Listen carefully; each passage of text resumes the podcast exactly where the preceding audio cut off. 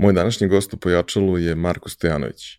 Znate ga kao glumca, pantomimičara, neki ga znate i kao predsednika Karling Saveza Srbije, a ceo njegov život je izuzetno neobičan i on je baš tipičan predstavnik gosti u Pojačalu, jedan od onih koji stalno sebi komplikuju život. Kako je izgledalo njegovo odrastanje, e, formiranje, kako se potpuno slučajno opredelio za glumu, a onda otkrio svemu tome pantomimu, kako je došao do toga da se bavi treningom javnog nastupa i da faktički napravi sobstvenu metodologiju koja daje jako dobre rezultate i kako je došao do toga da uh, osnuje Karling Savez Srbije i uh, napravi reprezentaciju koja je kasnije učestvovala na, na nizu takmičenja i uopšte popularizuje ovaj divni zabavni sport kod nas. To su samo neke stvari koje ćete čuti u epizodi. Siguran sam da će vam biti zanimljivo a, nemojte propustiti da je, da je poslušate, a verujem da će nekima biti i krajnje inspirativno zato što Marko je jedan od onih ljudi koji za e, relativno tradicionalne probleme nalazi veoma nekonvencionalna rešenja. Uživajte. Realizaciju pojačalo podcasta podržali su Epson je vodeći svetski proizvođač projektora i štampača kako za kućnu, tako i za poslovnu i profesionalnu upotrebu. EcoTank tehnologija donosi značajne uštede za korisnike uz superioran kvalitet otiska, a količina otpada smanjuje se za preko 90%. Za više informacije o aktualnim modelima i promocijama posjetite epson.rs ili zapratite Epson Srbija na Instagramu. Sa nama je i Orion Telekom, provider najbržeg optičkog interneta u Srbiji sa više od 3 decenije iskustva. Pored fantastičnih ponuda za fizička lica, poput optičkog interneta bez ugovorne obaveze, pažnjom bih vam skrenuo i na širok portfolio usluga za biznis korisnike. Orion nudi cloud infrastrukturu koja može da odgovori svim potrebama i izazovima sa kojima se kompanije sreću, kao što su modernizacija IT sistema, skalabilnost, optimizacija troškova, digitalna transformacija i implementacija inovativnih rešenja. Uz njihova cloud rešenja garantovane su vam vrhunske performanse, 24-časovna podrška stručnih lica kao i napredna sigurnosna rešenja. Za dodatne informacije pišite na biz.prodaja.oriontelekom.rs ili ih pozovite na 011 41 00 007. Odnedavno sam postao urednik i autor na portalu naše mreže. U pitanju je portal za preduzetnike gde možete pronaći mnogo zanimljivih i korisnih informacija o svim pitanjima koje muče vlasnike biznisa u Srbiji. Među autorima možete videti mnogi od mojih gostiju iz prethodnih epizoda, pa topla preporuka da posetite naša mreža.rs. Za slučaj da želite da nas podržite vi individualno, uh, možete da posetite link u opisu podcasta na platformi Buy Me a Coffee i tu možete kupiti mesečnu pretplatu ili jednokratno donirati neki jednost koji želite. Hvala vam unapred na tom.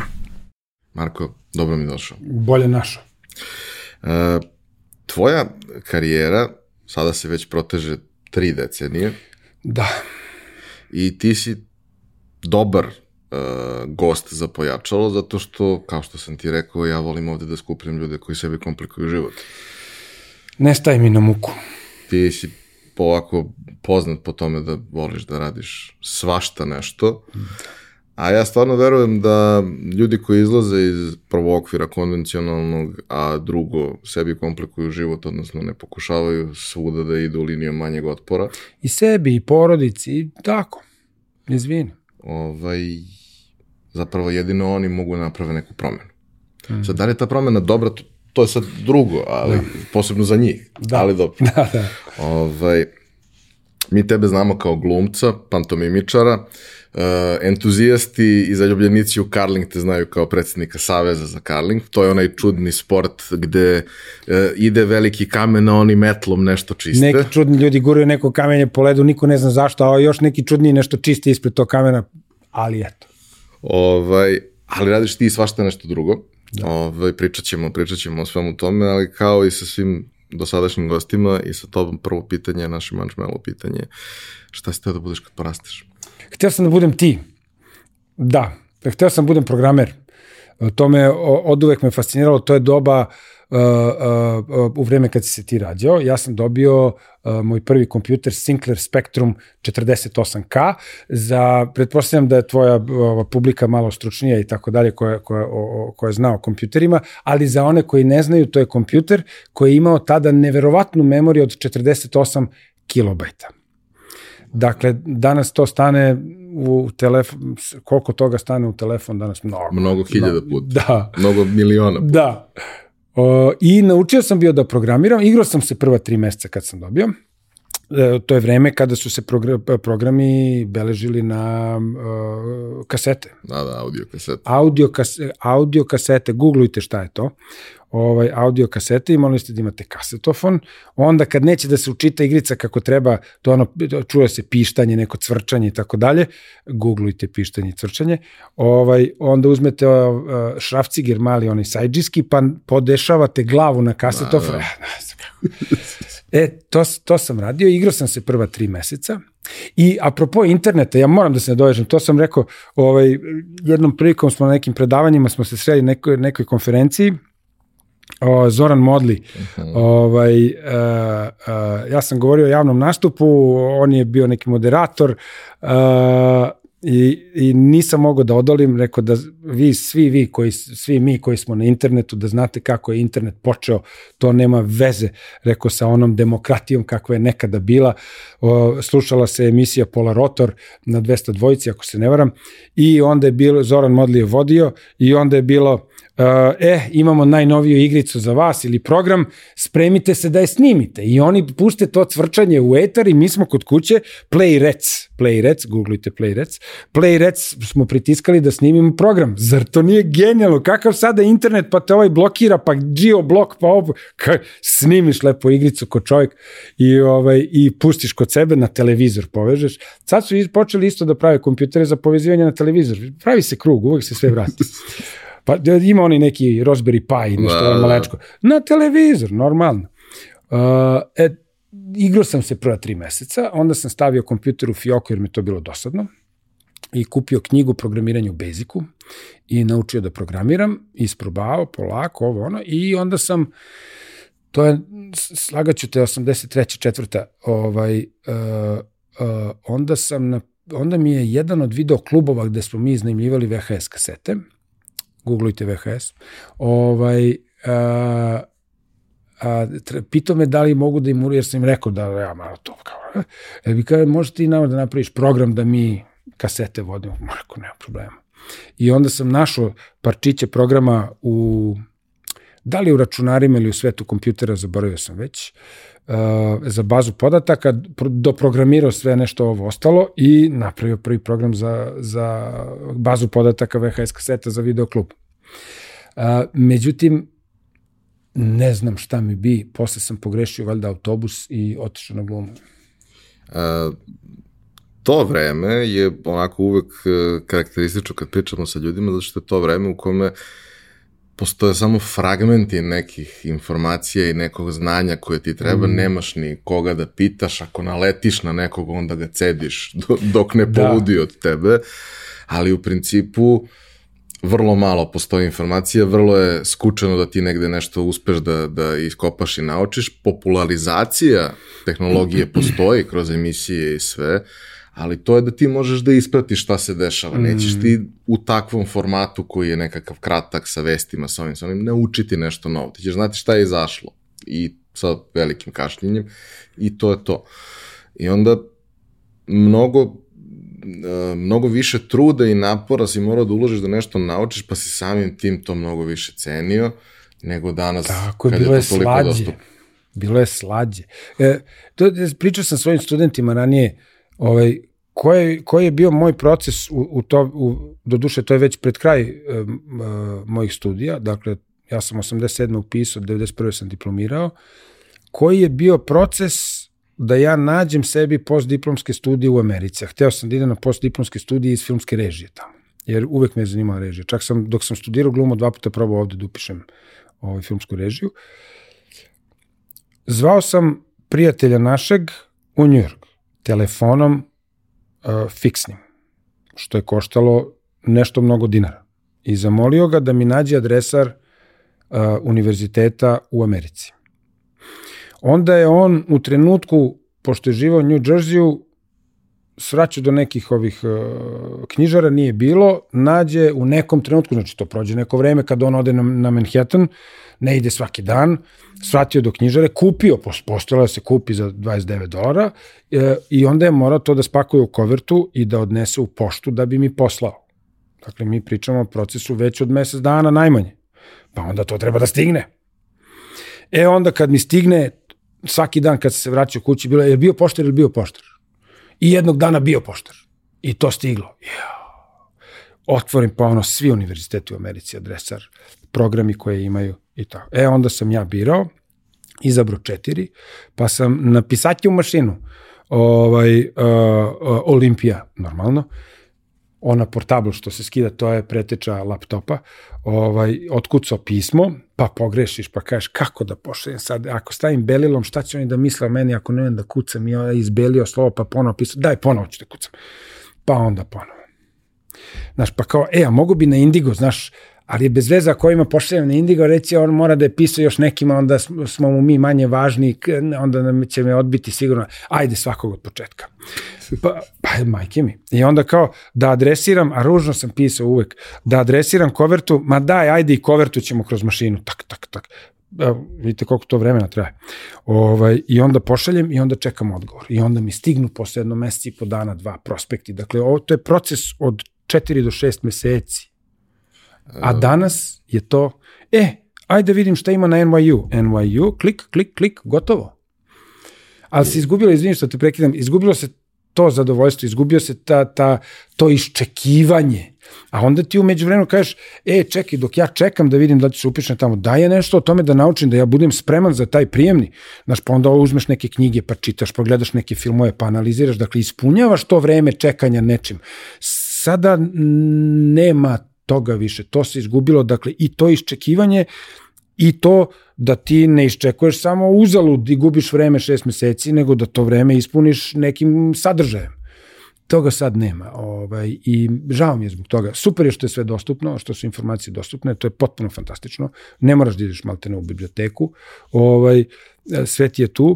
E, ali sad se postavilo, sad, sad se vodi nova borba na planeti, a to je e, kako da razlikujemo informaciju od znanja. I najveći rat koji se vodi, ljudi misle da su to ovi ratovi sa oružjem, nije. E, najveći rat trenutno koji se vodi svetski je rat za pažnju. O, ra, ko, o, meri se koliko mil, milisekundi se mi zaust, e, zaustavlja nam se palac između dva svajpovanja ili kako se to već zove. Mm. Znači, rat je za te milisekunde između dva poteza palca to o čemu pričaš sa, sa fakultetom, ovaj, imali smo nekoliko ljudi ovde koji su recimo išli na sportske stipendije, ali pre mm. ovoga svega, da, nego da, da. pre 25 godina. I onda je to bio užasno komplikovan proces koji je u njihovom slučaju podrazumevao da moraju da šalju pomenute VHS kasete svojih nastupa. I da moraš da nešto izmontiraš, da pošalješ, pa da iskopiraš tu kasetu, pa to više nije slanje pisma, nego to isto košta neki novac, pa može da se ošteti, pa može ovo, pa može užasno pa sve. Pa koja generacija, već prva kopija je lošija od ove prethodne, od originala, pa ako iskopiraš to dva, tri puta, to je već nekoliko generacija lošija slika.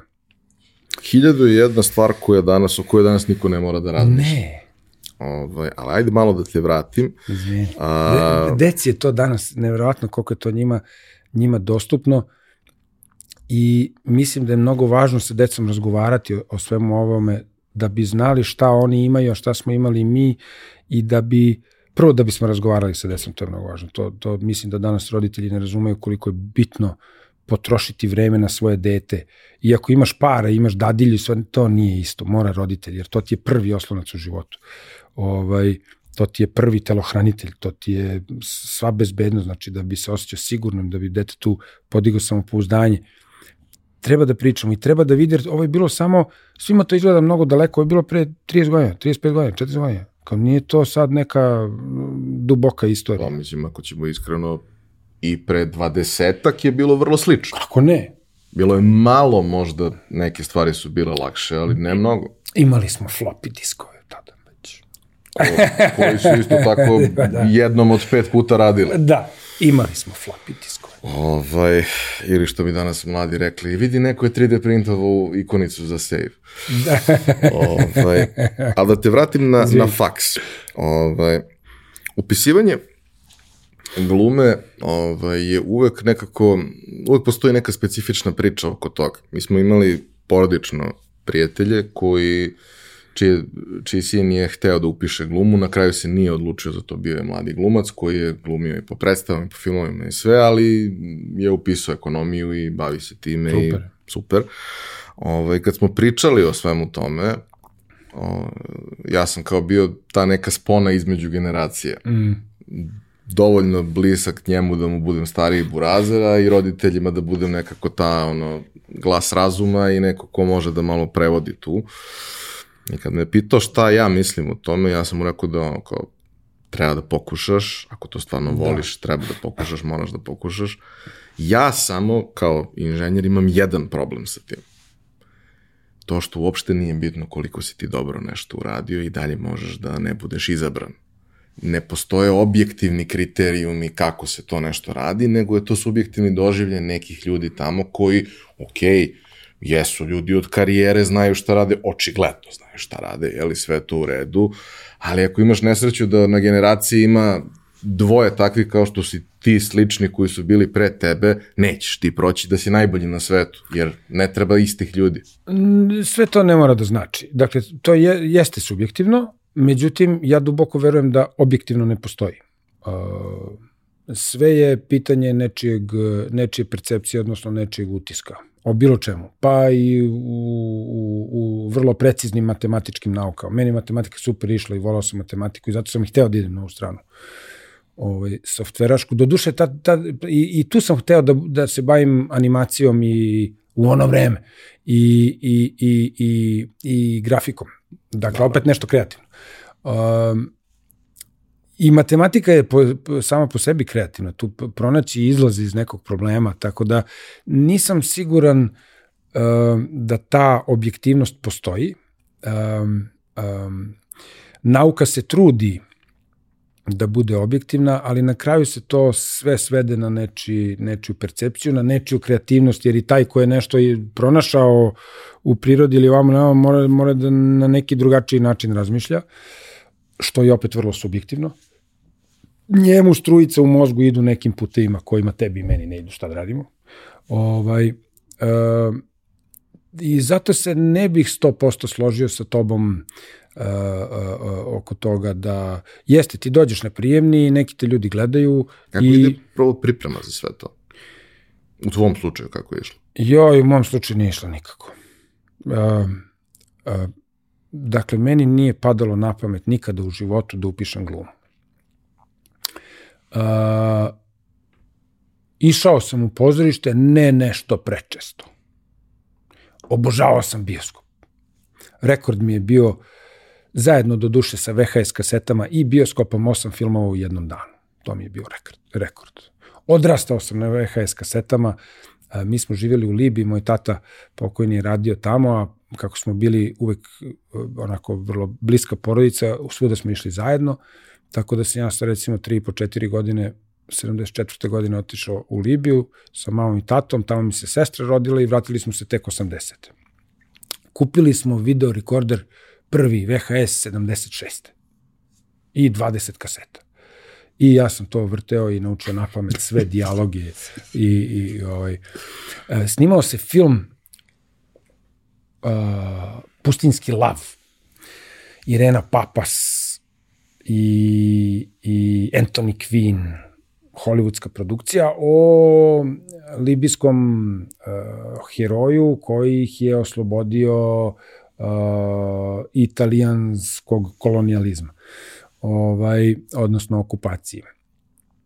I ti ljudi, uh, glavni deo ekipe bio smešten u tom nekom kampu, pošto tamo bili kao, neki, kao neka mala naselja, ograđena, gde su živjeli stranci, uh, Ovaj, I onda su oni živeli tu i mi smo se sprijateljili, postali kućni prijatelji. Moj tata uvek volao tehniku, posebno ono, uh, uh, hi-fi. ovaj, imali smo neke okrugle zvučnike u kući i to. O, ovaj, on, je, on je svirao klavir i imao je davno neki svoj jazz band tamo 50-ih, 60, 50-ih godina, 60-ih. Ovaj, i, i uvek je to voleo i onda smo videli Umatic, googlujte Umatic, Umatic, znaš, ovolike kasete, jedan inč, dva i po santimetra traka, ludilo, na jednu kasetu straje, ima, bile su od 15 minuta, 20 i kad baš imaš, se odrešiš kesu, kupiš od 30 minuta kasetu, to je, i onda smo kod njih gledali filmove, pa onda naravno na, po, na trećini filma izvadiš jednu, staviš drugu i tako, i onda je prvo hteo od njih da kupi Umatic, međutim, ovo jedan od tih do, producenata donese VHS i tu smo pali definitivno i onda kad su oni odlazili, mi otkupimo od njih VHS-a tih 20 kaseta nekih. I i tu su bili filmovi 12 žigosanih, uh, veličanstvenih, uh, kasnije Parti sa Peterom Sellersom koji sam znao na pamet i govorio sam engleski sa indijskim akcentom i tako to. I uvek sam bio šaljivđija, uvek sam bio bio sam znatiželjan, bio sam nemiran, bo, bože kako sam bio nemiran, siroti moji roditelji. Lomio nogu kasnije, ruku nisam nikad slomio, to je dobro, da, prste lomio, op, peko sebi ruke, nešto, da, svašta. I, e, da, apropo toga, apropo pantomime, ovaj, za pantomimu kao možeš da si sposoban, da imaš koordinaciju, ovo ono, o, mi jedno mesto u Ribi gde smo živjeli, imali smo tri stepenika da uđemo u kuću i tri stepenika da izađemo iz kuće i ja svaki put padnem. Uzbrdo, nizbrdo, ja padnem. Onda su me mama i tata vodili kod doktora da vide, kaže, tata moj, on je bio malo tako paničar, kaže, daj da vidimo ženo, nešto nije u redu s njim. Dete nam je bolesno. I onda me odvedu, ovaj kao, ha, ha, i ka, kažete nam, doktore, recite nam sve kako jeste. Ne, surovu istinu. Kaže, doktor, dobro, reći ću vam, vaš sin je nespretan. Znaš kao, tako da ja imam, imam diagnozu da sam smotan. Ja, I posle takav smotan sam postao pantomimičar, da je potpuno nenormalno. Ovaj, ali e, odrastao sam uz filmove, uz filmove, e, imitirao sam non stop, e, naravno, ko što su svi klinci rade, posebno pucačke scene iz ratnih filmova, ovaj, i komične scene, to je bilo zanimljivo. O, o, međutim, nikad nikome nije palo na pamet, pa ni meni da to će otići u, u neku stranu. U, posle kad sam u osnovnoj školi bio i ovde kad sam došao, ovde su me deca zavitlavala, pa je bila, ja, evo ga, ovaj što jaše kamile, znaš kakvi su klinci umeju da budu baš, onda, o, tako da su onda iz jedne škole, ja sam dolazio u, u Beograd na mesec dva i onda su me upisivali u školu, uh, da bih se malo socijalizovao, jer tamo sam živeo sa mamom i tatom, nije bilo, bila je škola kao naša neka pri ambasadi, koja je bila udaljena 250 km od nas i onda sam ja učio kod kuće sa mamom, homeschooled, to je danas popularno, ovaj, i odlazio polago tamo ispite. Uh, e, I onda sam me prebacio u drugu školu, na kraju sam završio dakle, u školi Braća Ribar se tada zvala, to je danas Kralj Petar prvi kod mm. Kalemegdana, to mi je bilo relativno blizu kuće. Uh, I učio se engleski kao prvi jezik, a ja sam znao engleski pa i, i zbog toga. Uh, I u toj školi sam sve moguće sekcije probao. Izuzev dramski. U dramskoj nikad nisam bio. I folklor sam igrao, išao uh, astronomije, bile, bile neke sekcije za astronomije. U, aviomodelarstvo, tu sam se i takmičio, čak sam osvajao neke medalje. Uh, uh, šta još je bilo? Ma nema šta, istorija, sve sam probao. Uh, I uh, u jednom trenutku uh, uh, s, kod RTS-a, na onom semaforu, uvek je tu bio semafor, nevjerojatno. Čak i kad sam ja bio mali. Uh, stojimo mama i ja, i ja i Rale Zelenović koji je bio urednik filmskog programa televizije Beograd tada, u politici drži tri VHS kasete. I ja to provalim. Ja kažem, mama, mama, naravno, dovoljno glasno. Mama, mama, evo ga oni čikarale, vidi ima VHS kasete. I ovo, Rale se okreće, gleda malečkog nekog tamo i smeško se kaže, jer šta ti Mari znaš o VHS kasetama? Ja sam znao sve o VHS kasetama, odrastu uz njih. I onda smo se sprijateljili, onda se tu pojavio Bojan Selimović, Uh, pokojni, on je bio urednik 202 i bio urednik uh, indeksovog radio pozorišta. A u to vreme indeksovo radio pozorišta, uh, danas nema emisije koja se tako čeka, pogotovo ne radijske emisije koja se tako čeka kao što se čekalo indeksovo radio pozorište nedeljom mislimo do 12 do 1 i to ono porodični ručak i odvrnemo do daske na okruglim zvučnicima da slušamo indeksovo radio pozorište uh, jer to je, kako ti kažem, to je bila satirična emisija, dakle, zavitlavala se vlast ondašnja i o, to je sve bilo to na ivici. E, Petrući, Bićko, Mićko, posle, ovaj, e, cela ta ekipa u, to je u Jugoslaviji od tih godina, pš, to je onako bila revolucija u medijima. Uh, I kako sam ja stalno pravio buku, sta, opet sam stalno prepričavao filmove. Mi smo, ja sam rođen u Maršala Tita broj 10, kralja Milana. Tu, tu sam odrastao, znači uh, imao sam uh, uh, uh, obe sekunde maltene do bioskopa Zvezda, uh, još nekoliko sekundi do Odeona, 20. oktobra i tako da, tako sam ja visio po bioskopima, u 20. oktobru Bruce Lee i, i svašta nešto, i ja to dođem i prepričavam po kući sa sve zvučnim efektima i padanjima i skakanjima preko fotelja. Tako, moji su oguglali, oni šta će, znaju da im je dete i prvo i smotano, a onda nemirno, ja, šta će. Međutim, gosti ne mogu da pričaju s mojim roditeljima, piju kafu. I ja sam imao recimo 14-15 godina, Bojan kaže, e, jel mogu ja njega da odvedem na radio? Pa da ja dođem kod vas na miru na kafu, da se mi ispričamo, a on nek bude na radio. Kažu moji, ma vodi ga da hoćeš. I ja tako, od, me on odvede u indeksovo radio pozorište. I kaže, evo moj mali, on stalno pravi neku buku, zvučne efekte, vidite možda ako vam treba da nešto tu pijuče. I ja snimim četiri emisije tamo i daju mi oni neke tekstove i svaki put sve veći veći tekst i uh, u to vreme bio popularan uh, Daniel, Julie, pevo na, ovaj, pevo na Euroviziji. E, kaže, jel možeš ti da probaš, da li mi neki tekst potpuno za nešto, mada, premda, ali, ne, neka ono, kao savremena poezija, kao pokušaj uh, diletanta da napiše neku savremenu poeziju i, znaš, oni sa crnim, crnim rolkama, znaš, i onda da se zamisli da kaže kako to genijalno. Ovaj, uh, uh, možeš ti to da probaš, um, kao da je crnogorac koji je odrastao u Hrvatskoj, koji živi u Hrvatskoj, Daniel. Mm -hmm. Ja, rekao, ajde. I ja to uradim i to počne se prepričava na žurkama. Počnu ljudi da recituju to. I ja kažem mojim drugarima, kao, e, to sam ja snimio. Ne? Kao, nema da pričaš. Šta? Rekao, stvarno, e, kao, e, Marko je to bilo. I onda ja postanem popularan. A uvek sam bio tako malo dežmekast. Nisam bio bio sam buckast. Nikad nisam bio ono atleta, sport, sport mi nije išao. Sportovi sa loptom, katastrofa. Zato sam i otišao u karling, sport sa kamerom, ne još pogrešiš ništa. ovaj, Veslanje mi je dobro išlo. Judo mi nije, judo sam bio, judo sam bio. A sve sam se zadržavao po godinu, dve, jer toliko me interesovalo. Posle više ne zanima, ja pređem nešto drugo. Ovaj, I snimim ja te emisije, postanem popularan na žurkama, to, tad sam bio osmi razred, prvi razred srednje, tako nešto. Ej, majko, vidim, nije loše biti popularan. To nije loše ni za devojčice biti popularan, znaš, počnu odmah da se okupljaju tu kao ha, ha, ha, hu, hu, hu, što mi se nikad ranije ni događalo.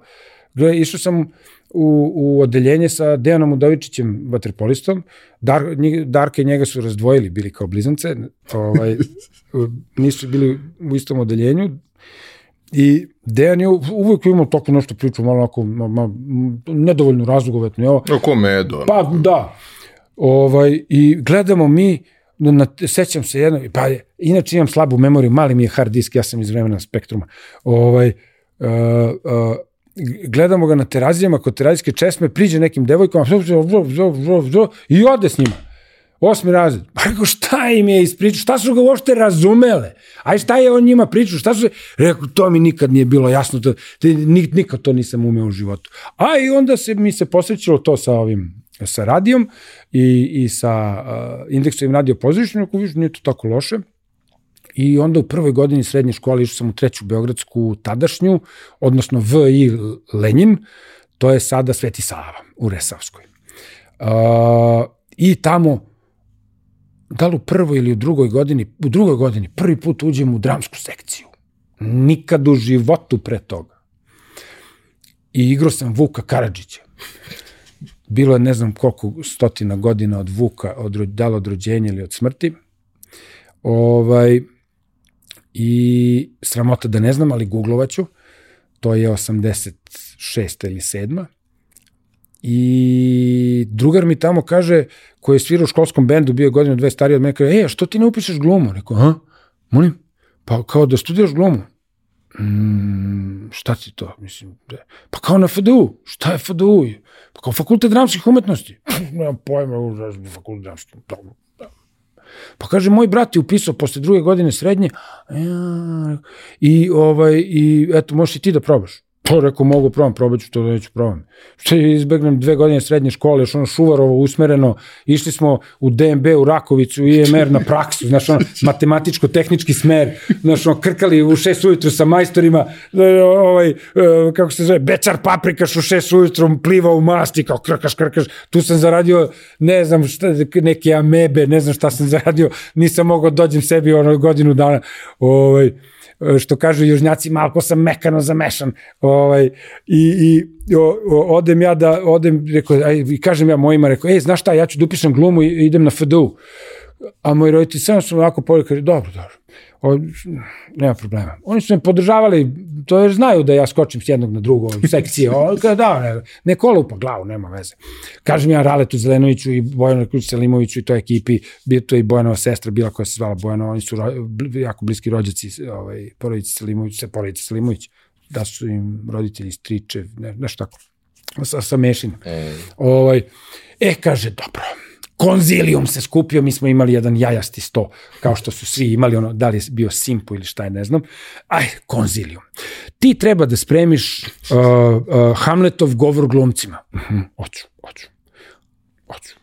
I ne znam, ovo i ovo, birat ćemo, mi ćemo ti izaberemo i pesmu i ovo, sve ću ja to da radim, nema problema. Da znaš, ljudi to spremaju godinama za prijemni ispit i polažu po dva, tri puta da bi ubije, sve, sve ću Hoću.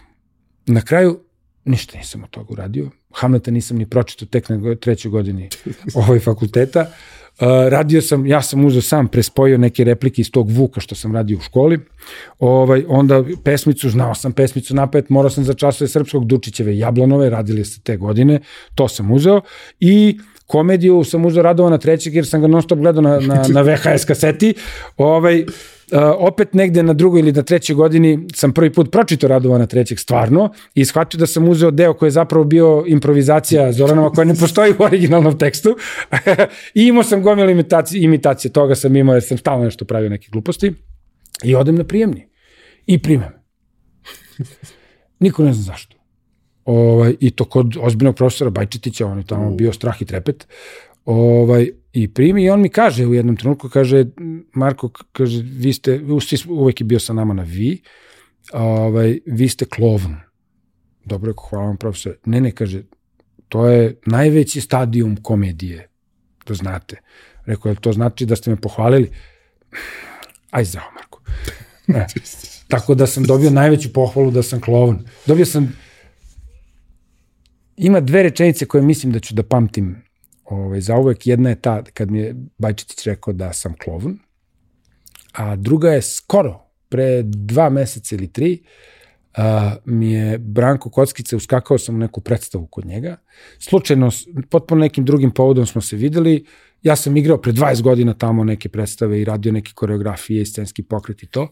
Ovaj, I sretnemo se potpuno nekim drugim povodom I on kaže, i on mi kaže rečenicu, ti si jedini glumac koji može da igra Branka Kockicu. I rekao, hvala Branko. Ovaj, a, a, I kažem, to su dve, pamtit ću svašta nešto drugo, ali ovo su mi dve rečenice koje su mi se kao glumcu, dakle u mojoj osnovnoj struci urezale. Jedno je u vezi sa komedijom, a drugo je u vezi sa zapravo komunikacijom sa decom koje sam uvek imao, me, ja volim sa decom da radim. Nikad nisam pravio one školice i to nešto, to, to, to, to, ne volim kontinuirano da radim sa decom jer je to iscrpljujuće, ovaj, to sam uvijek izbegavao, ali sam recimo uvijek sam se odazivao kad me zovu da radim neke radioničice, nešto, to, sam radio potpuno besplatno, to je moje vraćanje i, i društvu koje me očkolovalo, koje je platilo za moje školovanje, to mislim, prosto tako je, to je činjenica, ovaj, i državi i to je negde za moju dušu, kao i neki humanitarni rad koji sam, puno sam radio i sa gluvom decom, učio ih pantomimu i svašta nešto, i ovde i svuda po svetu, mislim, gde god odem ja ponudim, kažem, evo sad treba da idem u Iran, zvali su me prave neki festival uh, pantomime i zvali su me kao ovaj, da im održim neke radionice kao predsednika svetske organizacije pantomimičara ja sam rekao, vidite, ako imate neku gluvu decu, radim džabe. Ovaj, držao sam u Kini, sam držao u, u Češkoj, u Bugarskoj, u, u Gruziji. Nikad mi nije pao napad da ću da idem u Gruziju, ali eto. Univerzalni jezik. Ne, ne, super. I ne samo to, to što pokušavam kolegama po svetu, pantomimičarima da objasnim, to je jedna, to je jedan prazan prostor, brisan prostor na internetu sa svim ovim spravama sada, sa, sa raznim YouTube-ovima i tim servisima sličnim. To je dušu dalo da, da, ovaj, da se isproducira nešto o, o, koje bi, ali namenski za to. Pantomimičari su malo zaglavili u, u 19. 20. veku, ovaj, uh, i, i teško se privikavaju na nove tehnologije uh, i onda oni okače parče snimljeno iz predstave ili to nije to. Kao što je Mr. Bean, on je zapravo pantomimičar. Mislim, kad se gleda, to je pantomima, to je dakle na, na, na, na tradiciji slepstika nemog filma ovaj, uh, uh, je, je, je, je Mr. Bean uh, stvorio svoj lik. Uh, Uh, uh, ali on namenski pravljen za televiziju kao medij, on nije snimak iz pozorišta. Tako i ovo, potpuno je brisan prostor na internetu za neku ozbiljniju produkciju za web ovaj, uh, sa pantomijom. Nema. Izvinite, malo sam da- se udalio od teme. Ne, nisi. Ja te volim digresije. Sve tako. Sve što, što, što je univerzalno ima mogućnost da postane globalno. Mr. Bean je super primjer zato što ono, u ovim lošim, na, na lošim letovima ove, loših aviokompanija se i dalje vrti. Zašto? Zato što svako može da ga gleda, ne treba ti zvuk, ne treba ti ništa. Je. I vrate 40 godina kasnije i dalje je zabavno. I jeste i smešno. Znaš, tako da to, to je sve lepa stvar sa svim tim. Ono što mi je interesantno, to sam baš pričao sa, sa nekim kolegama, da uh, znakovni jezik uh mhm. -huh. je potpuno različit od zemlje do zemlje. To, to mi je neverovatno. Nije, ne, ne svuda, ali nije, da postoji nekoliko različitih ima, ima. potpuno nije, smerova. Nije, nije potpuno, on, on, je, on je baziran na neverbalnoj komunikaciji. Znači, ne Jasno. mogu oni da izmisle znak za nešto, a da to nema nikakve veze sa nečim što bi eventualno u nekom trenutku prirodno pokazao. Ovaj, uh, uh, postoji međunarodni koji je, koji je sistematizovan, i generalno su sad svi zapravo bazirani na tom međunarodnom, oni, oni su kao dijalekti maltene tog međunarodnog, odnosno ti lokalni pokušavaju, naši, naši su sistematizovali pre par godina i naš ovaj, srpski znakovni jezik, um, da, da, ga, da ga ukalupe da bi pričali u svim školama isto. Radio sam ja puno sa, sa, sa, od 96 ili 7. radim sa glumom decom, učim ih, učim ih pantomimu, ne povremeno, povremeno ne kontinuirano, budu kontinuirani periodi.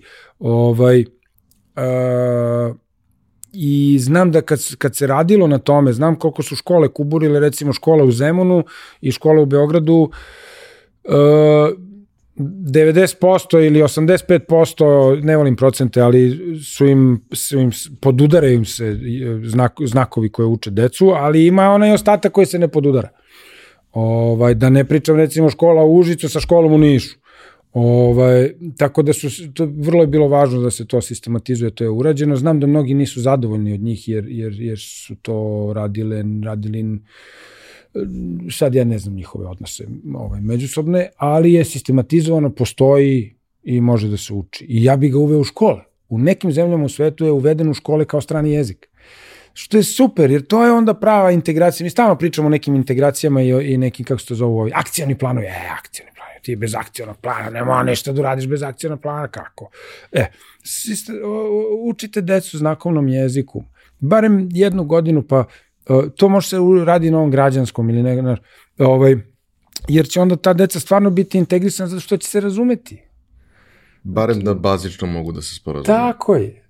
Ja, ja sam teo, pisao sam projekte, ovaj, pisao, apelovo da se to uvede za, e, za zdravstvene radnike koji rade u hitnoj pomoći i u urgentnom centru. Znaš, dođe ti, problem je, Pričali su mi klinci, neki koji voze za malo što nisu bili uhapšeni, zaustavila ih je policija, mislili su da ih, da ih ovi nešto zavitlavaju, a ona deca gluva. I mogu oni kao invalidi da dobiju dozvoli i tako dalje, kao osobe sa invaliditetom, izvinjam se.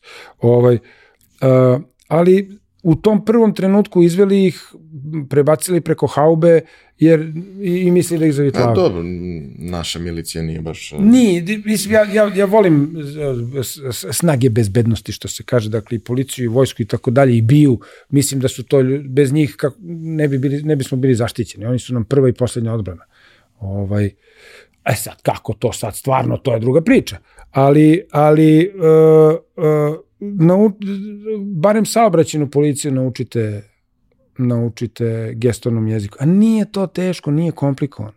To je kursić dve, tri nedelje, da zna ono osnovno. Da, da, da i ovaj koga, koga su zaustavili, shvati da su oni prijateljski nastrojeni i da nije poenta njihova da te kažnjavaju, nego je poenta da te opomenu, upute, edukuju, da nešto nisi uredio, uradio po propisu, a saobraćaj je uređena stvar. Ti po, ti po saobraćaju vidiš kakvo je stanje u državi, jer to je uruđ, u, u, uređena aktivnost u kojoj sme da bude improvizacija koje se kose sa pravilima samo ako su te neke izuzetne situacije u kojima postoji opasnost po tebi ili po nekoga. Znači, prekršiš pravilo, nije problem. A u suprotnom, mora se poštuju pravila. Izvini, opet su digresije. Opet digresije, izvinjam se. Jeste ona neka situacija u kojoj zapravo vidiš kakvo je stanje u društvu i jedina društvena aktivnost od koje ću ja da odlepim svaki dan. Ali dobro. E, kako je bilo na faksu? Bilo je super.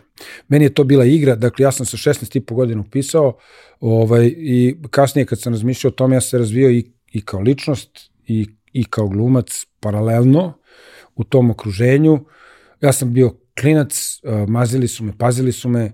Skoro mi je, uh, bio sam na festivalu u Nišu uh, uh, uh, glumačkom i pozlilo mi jedan dan.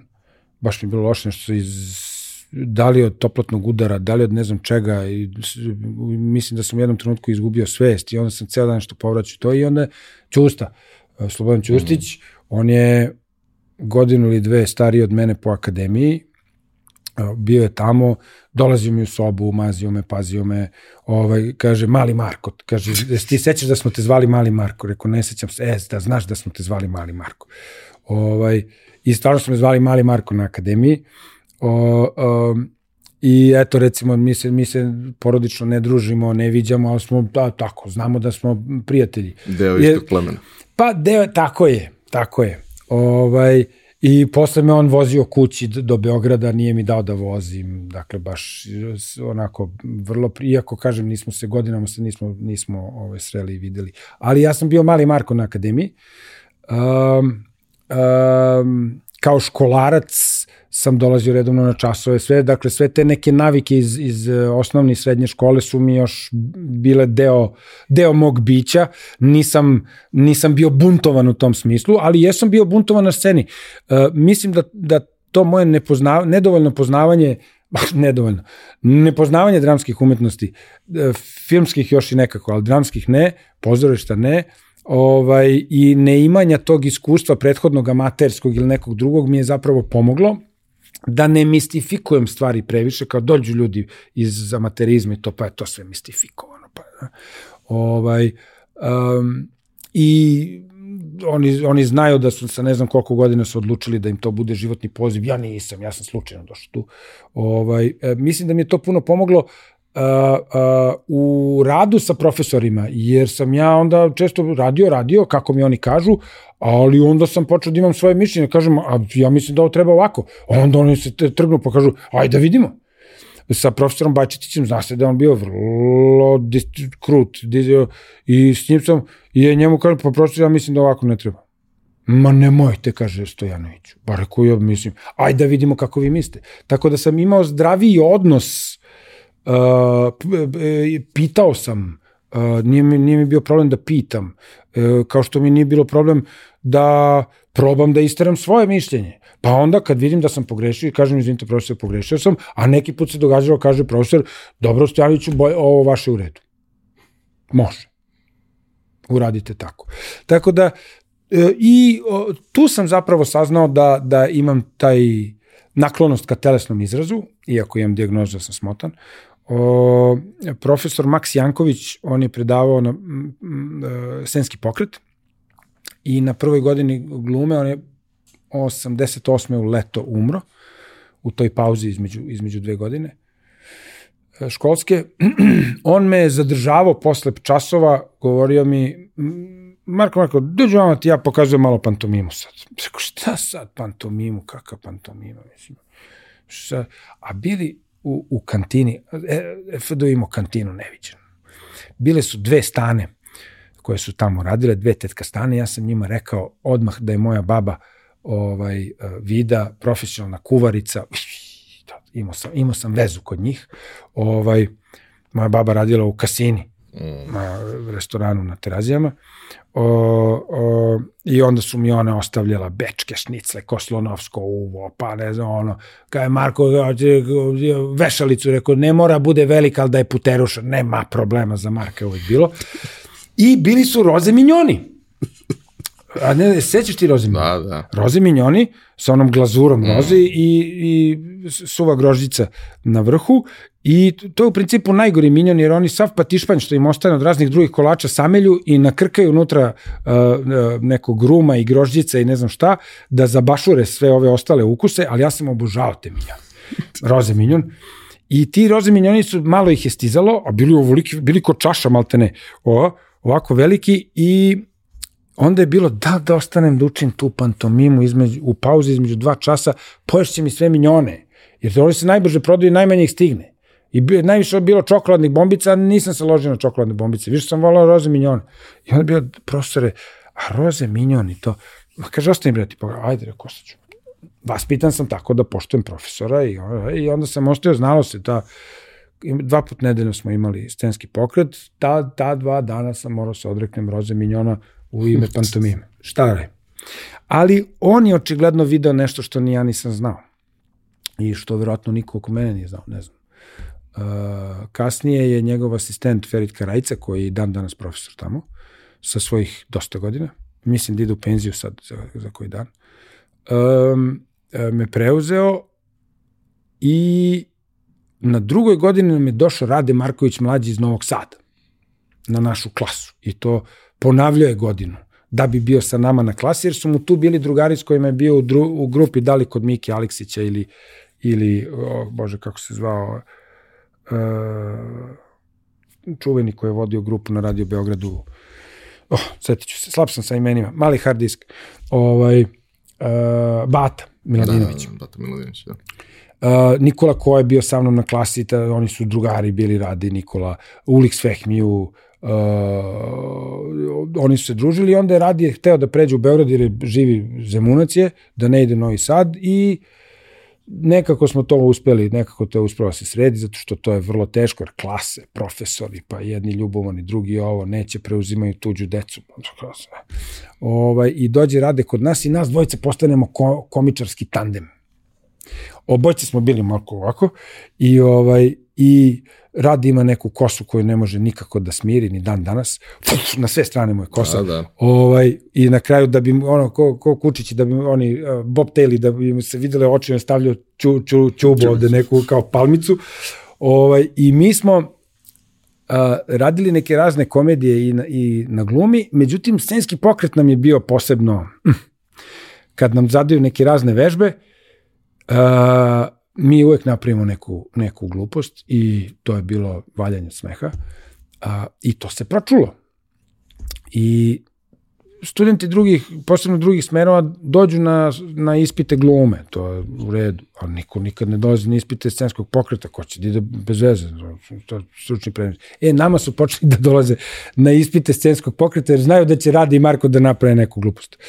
Ovaj, I mi na trećoj godini napravimo, uh, ne, da, na trećoj vežbu uradimo, bila ne sa nekim paravanima, kao staviti paravane, možda ih postaviš kako hoćeš i kad prođeš iza paravana moraš postaneš drugi lik ovaj, i da se nešto desi. A drugo možeš da provučeš, recimo, ako je vertikalno paravan, provučeš ruku, a onaj drugi se krije iza paravana i izbaci svoju ruku, tako da izgleda ruka od 3 metra, 4 metra.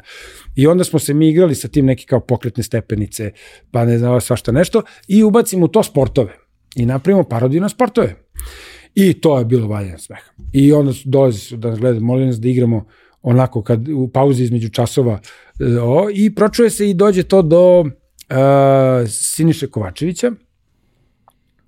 Da.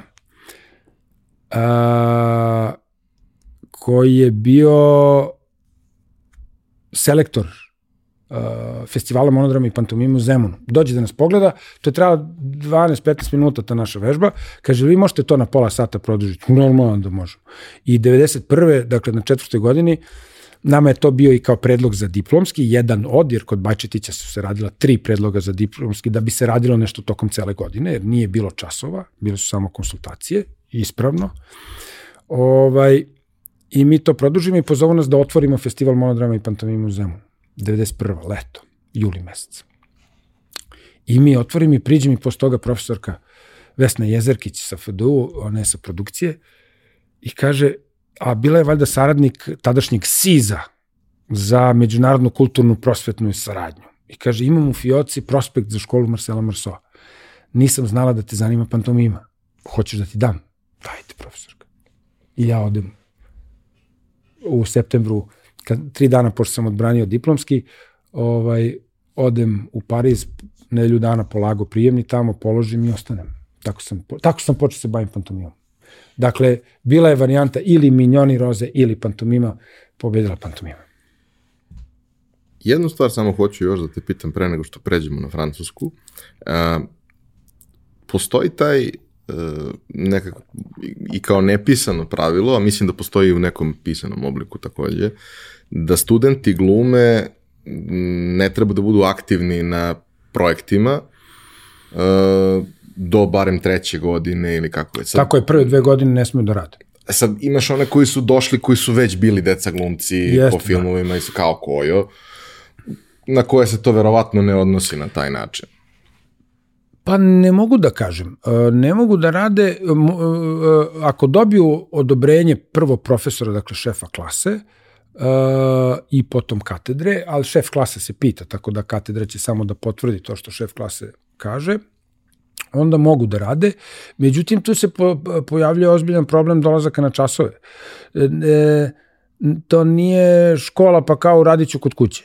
To, taj čas nešto znači, ti na tom času nešto učiš. To nije samo naučim tekst, spremim ovo, onda ti ne treba škola. I dođem, pokažem šta sam spremio, onda mi kažu nešto i to je to. Prvo moraš da dođeš, na tom času se nešto radi, nešto se priča. Ovaj, I onda masa, masa ljudi tako ko, koji i dobiju dozvolu, redko se dobije na prvoj godini, eventualno na drugoj, dobiju neku dozvolu, ako ne dolaze na času, oni padnu godinu.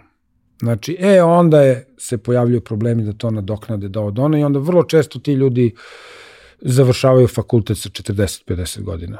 Ovaj, da bi, Koliko da bi došli do diploma. Uh, nekog prostora i inicijative da na tim završnim godinama imate neko realno iskustvo iz nekog posla. Jeste, jeste. Pa svi profesori pozivaju svoje e, prijatelje i drugare, reditelje iz pozorišta, direktore pozorišta, druge glumce, druge e, kolege sa bivših klasa.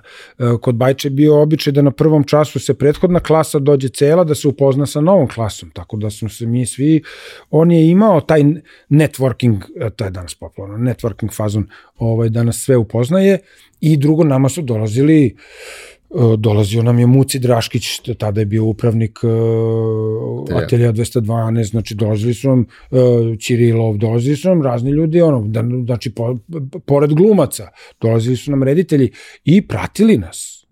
Uh, pratili nas i onda polako, posle, znaju oni, ovaj, pa posle druge godine su nas uzimali da igramo, tako da smo mi igrali uh, pa skoro svi smo nešto dobili da radimo posle druge godine. Znali su da ne smiju da nam ometaju nastavu, tako da davali su nam manje uloge, eto da nas upoznaju, da nas dovedu u okruženje pozorišno, da mi vidimo kako to tamo funkcioniše. Ja sam igrao u oče, očevima i ocima u ateljevu, koji tad još nije postojao, jer zgrada je zidana. Naprimer, Anita Mančić, moje klase, Nikola Kojo i ja smo dobili po dve, tri replike, u, tako da nas nije ometalo u nastavi, Ovaj, ali smo bili prisutni na čitajućim probama, po, po ono, bio sam, na, igrao sam nekog partizana, vojnika, imao sam bukvalno ne tri replike, tri, to, to su bile tri proste ili prosto proširene rečenice ukupno ovaj, u celoj, celoj predstavi, ali sam imao scenu gde sam sedeo u, u pozadi, dakle u dubini scene, e, oslonjen na pušku, nešto, ne znam, posle ne, među kao bolesnicima i tako dalje, ovaj, i gde Pera Kralj i Đuze imaju scenu ispred. Ne mogu se setim ko, jedan je igrao e, nekog oficira, ne mogu se setim ko je igrao oficira, mislim da je, Đu, da je Đuze igrao oficira, a Pera, a Pera oca koji dolazi da traži svog mrtvog sina da ga odvede, da ga sahrani. Oh, kako scena je. Mm, čudo. čudo ste, njih dvojica na sceni. I gledam ih s leđa. L, potpuno ludilo. Ovaj, e, to su ta neka fantastična iskustva koje sam prepričavao studentima isto. Kažem, oni svi jure glavne uloge, glavne uloge. Čekaj bre, dete, nisi ni ispilio, juriš glavnu ulogu. Stani sa nekim da vidiš kako to funkcioniše. Uči, kao ne možeš odmah. Ne može sve odmah, ne može. Mora da se stekne neko iskustvo, moraš da gledaš nekog kolegu, moraš da, da, da, da to su bili to su bili velikani, velikani. I dobro, sad Francuska. Jeste. To je sad neki ozbiljan level up, ali i sa druge strane fokus. To mislim da je možda specifično, zanimljivo. Nije bilo te vrste, ja bar ne znam mnogo slučajeva da postoji ta neka vrsta toliko uskog usmerenja nakon da. FDU-a. E, ne, na, većina naših uh, i, i do duše sad već ljudi koji su otišli u penziju, uh, profesora koji su se bavili scenskim pokretom, većina njih je išla u školu uh, Lekokovu u Parizu, koja je u principu više glumačka škola nego što je ovako usko specifično. Tamo se radi pomalo i pantomima. Rade se neke mnogo zanimljive stvari kao što su maske, kao što su bufoni, kao što je komedija dell'arte. Dakle, sve to što ima veze sa pokretom, ovaj, ali Marsova škola je bila usko specializovana na pantomimu, imala je odličan program, genijalno osmišljen program. Uh, ono što je fantastično bilo kod njega, Pa kao i svi imao je naravno sujetu i on. Međutim, kada je program škole bio u pitanju, apsolutno kao da je bio operisan od sujete. Mi smo imali, učili smo tri, učili smo pantomimu kroz tri vrst, tri tehnike u stvari.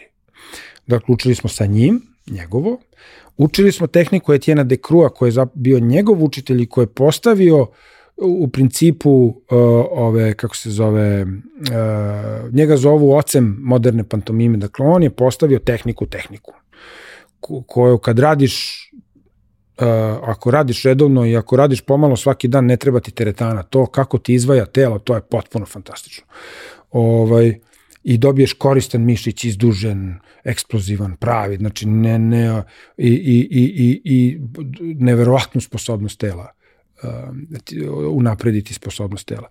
I radili, radila se, radili su se posebno časovi um, uh, pantomime kroz komediju dell'arte, znači na bazi komedije dell'arte, tu je negde to sve to sve počelo. Samim tim, kad prođeš sve tri, ti prođeš u principu pa skoro pa celu lepezu žanrova. Ovo što je isto bitno. Um, um, I postojala škola Etijena de Crua, koju su vodili uh, njegovi uh, asistenti, on je umro, uh, e, ti njegovi asistenti koji su vodili njegovu školu predavali su kod Marsova. Tako da kažem ti, potpuno kao da je bio operisan od sujete za to. Uh, I mnogo sam naučio tamo. Tamo sam, ja sam godinu dana samo bio, škola je trajala tri, prvu godinu je nama nekolicini iz istočne Evrope dao besplatno školovanje. Njegovi su inače bili uh, jevreji iz Poljske i mislim da je majka iz sa teritorija sadašnje Ukrajine, ta je nekada bila Poljska. Ovaj, tako da je bio slabije bio na Slovene. Inače bio slab, ceo život bio slab na Slovene. Ovaj, voleo je Slovene, išao je u Rusiju, u Sovjetski savez, išao na turneje i tako dalje. Tu mu čak nešto puklo, bilo slepo crevo, pa ga vraćali avionom, za malo nije umro. Ovaj, uh, baš je voleo Slovene. Tako da recimo dvojica Bugara, ja jedan Gruzin ili Gruzijac i mislim Čeh da smo dobili besplatno školovanje prve godine, to je on rekao, nema plaćanja. Ovaj, I stvarno sam mu zahvalan na tome. I bilo je fantastično ovaj, raditi sa njim uh, i, i, i proći kroz taj program, jer kažem, baš je imao lepu širinu, I ka, ono što mi je najvažnije tu bilo, tehnika je stvar ponavljanja. Uh, ono što se meni desilo kao čoveku koji je prošao kroz jedan trening četvorogodišnji, koji je pre svega baziran, uh, naš, naš FDU tada, ne znam, ne znam sada, je baziran u principu na nekoj mešavini uh, ruske i nemačke škole. Dakle, to je ruska škola Stanislavski Trtmrt, ali sa snažnim uticajem iz Nemačke i sa sa pristojnim uticajem iz Engleske, ali pre svega iz Nemačke. To izgleda i u politici kod nas tako. Mi to nekako smo uvijek gravitirali, ma jedna deo vamo, deo nam. Ovaj, a, I onda posle tog treninga sam došao na ovo, kao već spakovan glumac na neki način, to jest imao sam osnov da mogu da počnem da radim, što jeste poenta škole. Uh, I onda sam doradio s ovim i u nekom trenutku mi je, samo sam progledao i počeo da vidim pokret. Kasnije kad sam se vratio, radio sam sa plesačima uh, raznim, radio sam naravno sa glumcima, godinama sam predavao, uh, bio i šef katedre, pisao program, svašta nešto na, na, na Akademiji lepih umetnosti, tadašnjoj uh, privatnoj. Um, um, radio sam sa sportistima, sam radio Uh, kad smo mi krenuli u karling, pošto nismo imali gde da treniramo na ledu i tako dalje, radio sam radio sam i, i ja sam držao treninge neki, imali smo divnog momka, Bojan Bradić se zove, atletski trener, ovaj, koji nas je trenirao, ali sam i ja radio sa ljudima na bazi imitacije, tako da neke stvari smo brže uradili nego drugi, jer smo prošli nekim putem koji nije, čist, nije sportski, nije, nego je pokupljen iz ovog, iz uh, glumačkog, uh, pantomimskog. Ovaj, Uh, I tu sam, kroz taj rad sa raznim, sa gluvom decom, kroz taj rad, kasnije sa političarima, sa ovima, sa onima, ovaj, kroz taj rad sa tim raznim nekim ljudima koji nemaju nikakve veze sa glumom u principu ili, ili, ili blago se dodiruju sa dramskim umetnostima, sam video da u stvari sam u toj školi počeo da vidim pokret i da bez obzira što ne znam, uh, uh, ne poznajem dovoljno tu neku oblast, vidim šta pokretu fali, šta pokretu nedostaje. Um, vidim i naučio sam kako, kako da, e, to je taj spoj Marsoa i naše škole ovde, kako da motivišem ljudima pokret. Kako da ih naučim da, da oni sami zapravo motivišu pokret, jer je to mnogo važno. Ti kad uradiš jedan pokret, a da on nije da nema impuls, da nije krenuo iz misli prvo, pa iz neke motivacije, pa da se on desi, jer ne može ništa drugo da se desi sem toga, zato što te misao navodi na to, ovaj, i, i emocija, uh, uh, on postaje besmislen. E, e, to sam naučio tamo. Uh, da li sam bio dovoljno, ja sam 20 godina otišao, da li je to zato što sam bio dovoljno mlad, e, zato što sam izašao iz ove škole, igrajući se, ja se igrao na FDU, meni to nije bila obaveza, meni tamo bilo super, ovaj, uh, uh, a, a gluma je igra, Uh, uh, uh, to, to, taj deo ne sme kad, kad, kad zaboraviš igru i kad zaboraviš taj deo svoje, svoje ličnosti koji je infantilan, tu ne možeš da budeš glumac to se briše. Posebno u komediji. O, u, kom, u komediji zaboravi. Taj žanr odmah brišeš i ćao. Možeš budeš korektan na sceni, da nikom ne smetaš i to, to je dosta. Mislim da je komedija jako, jako, jako, jako teška. Mm. I da mm. zapravo veoma mali broj ljudi može to da iznese kako treba i to se i vidi negde kroz ovo sve što radimo. Mislim, uh, postoji naravno gomila onoga što možda trigeruje neke niske porive i tako dalje mm. ili ono uh, humor koji je vrlo prizeman, koji da, da. prolazi i sve ostalo, ali ono vrhunsko mm. ono vrhunsko je, je jako redko. Da prvi put da se dobro sećam nečega što mi je stvarno ostalo urezano za ceo život je prvi put kada sam gledao i slušao obično večer Laneta Gutovića pre 30 kusur godina. Jeste. Yes. Jer to je meni bilo potpuno neverovatno. Mm. Mislim, ok, to se danas zove stand-up komedija, mada nije isto, to je kabare, ali način na koji on to mrtav ozbiljno da. radio, mi umiremo svi. Da.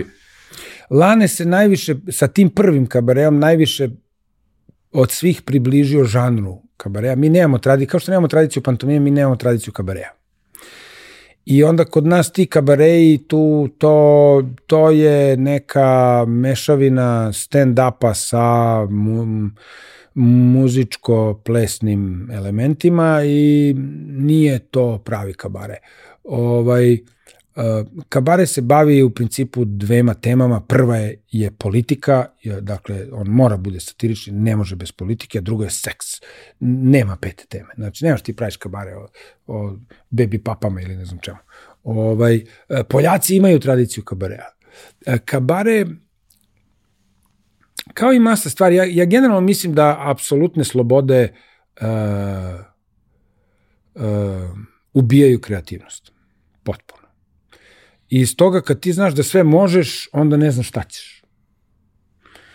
Uh, I nemaš ni motiv. Kad te neko stisne malo, kad te pretisne malo sa strane, e onda već počneš da misliš kako tome da se odupreš, onda počnu da rade vijuge i energija i se kućo, sad ću to da ja da smislim. Uh, uh, uh, kabare u Poljskoj, Poljaci imaju tradiciju kabarea, ali oni su bili pod Sovjetskim savezom onoliko pa su se zavlačili u neke podrume, zamračivali, kovali one od kartone od, od uh, jaja da bi se ne bi čulo zbog zvučne izolacije, stavljali sunđere, svašta nešto i tu zavitlavali uh, Ruse i, i, i kroz to se oslobađali, osjećali slobodu. Ovaj, I onda izađu napolje sve kao nije mi ništa, sve u redu.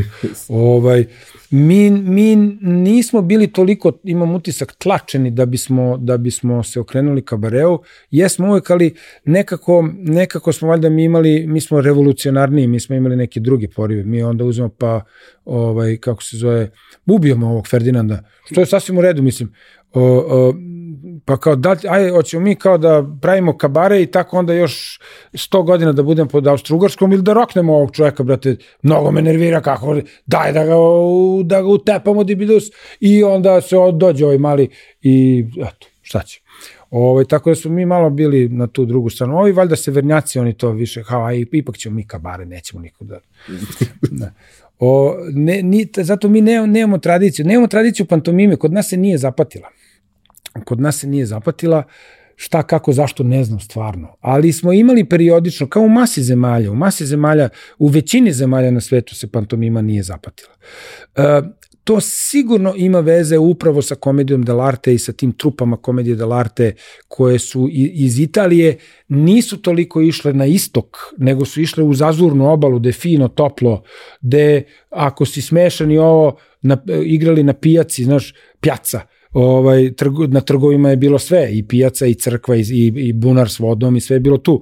I onda dođeš tu, igraš i onda, ako si baš dobar, možda dobiješ neku ribu, mislim pravu ribu da, da jedeš, ovaj, i, ili dobiješ neko pečeno pilence, znaš, ako baš i nisi toliko, to, tu dobiješ krompir dva, ovaj, za to se radilo, koji danas. Ovaj, Uh, I onda su išli, išli u zazurnu obalu, tako da su onda lagano peli u Francusku, malo na sever, zalazili u kopno, i u Španiji isto tako i kod Francuza taj Arlekino koji je bio taj sluga u Italiji koji je kao malo priglup, a u stvari je vrlo vešt i okreće sve na šalu. Francuzi su mu dali malo tog, um, oni kao da su spojili dva tipa iz komedije l'arte tog Arlekina i imati neki inamorati, to su kao zaljubljeni, oni jedini nisu nosili masku, ali su farbali lice u belo, jer su oni zaljubljeni, pa kad od, zalju, od zaljubljenosti pate i onda zbog toga ne jedu ništa i onda su bledi. Ovaj, E, Francuzi su ih kao spojili u taj jedan, ovaj, e, jedan lik koji mi kasnije znamo o, kao Pieroa, pa se onda iz tog Pieroa izdvojio, izdvojila pantomima. Jer on je, on je umeo puno da zabavlja publiku bez, bez teksta.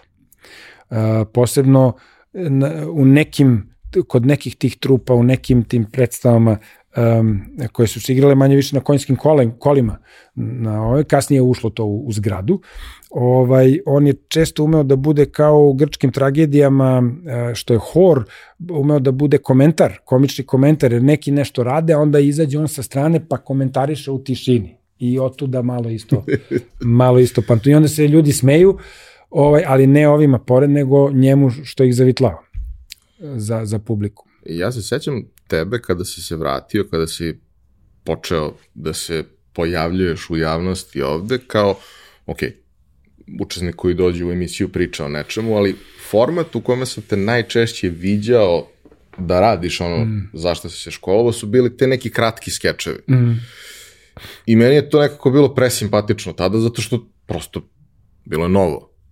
A svi smo znali pantomimu zato što je to bio deo ono porodičnog društvenog života, igrali smo Tako. igre sa tim, uh, imali smo ono sa filmovima pogađanje koje si morao da objašnjavaš na taj način, pa iako možda si smotan i ne umeš i sve i jebi ga, voliš da pobediš, pa mora naučiš. Jeste. ovaj, I tad kad si se pojavio i kad je krenula ta, ta priča da mi imamo čovjeka koji je tamo završio to sve, meni je to bilo fantastično. A kako je izgledao tvoj neki po povratku profesionalni put, kako si ti video tu priču, osim toga što si bio prisutan, ok, u, u javnom prostoru, ali posao je nešto što je mnogo češće od skečeva i da. ozbiljnije. Da. E, ja sam, e, izvinjam se što počinjem rečenicu sa ja, ovaj, e, bio sam koliko god sam bio infantilan i šaljivđija i zafrkant i tako dalje, imao sam uvek i jednu ozbiljnu crtu, ovaj, čak možda i starmalu u, u, u svom karakteru, tako da sam neke stvari razumevao pre svojih vršnjaka. Um, kada sam otišao kod Marsoa, znao sam da ako se i kad se budem vratio, uh, da će me cela priča o pantomimi kod nas, ako ikad dospem do medija, na ovaj, da će me ona pratiti. I s tim sam se pomirio. Ovaj, s tim sam se pomirio, dakle, vrlo rano sam se pomirio sa tim, znači, sastavimo 20 godina kad sam otišao, 91. 94. sam se vratio. Znao sam da će me to pratiti, jer znam, znao sam da medijima to bude zanimljivo. Nisam ja mnogo znao o medijima, mislim, ali mi je to bilo pot, kristalno jasno. I rekao, šta sad, neću da se branim, ako se budem branio, to će izgledati loše, ovaj, što bih se branio kad je to moje, i jedinstven sam i igraću na tu kartu, što da ne igram. I taman ću dužan da promovišem i tu, tu umetnost, ovaj, pa, kod puklo da puklo.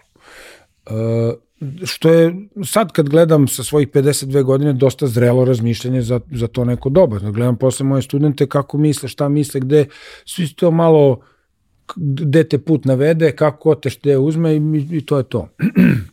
E, vratio sam se, prvo sam se naravno javio svom profesoru, mi smo uvijek bili u kontaktu i kad sam dolazio kući na, na, na godišnji odmor, ovaj, na maminu kuhinju i okrepljenje.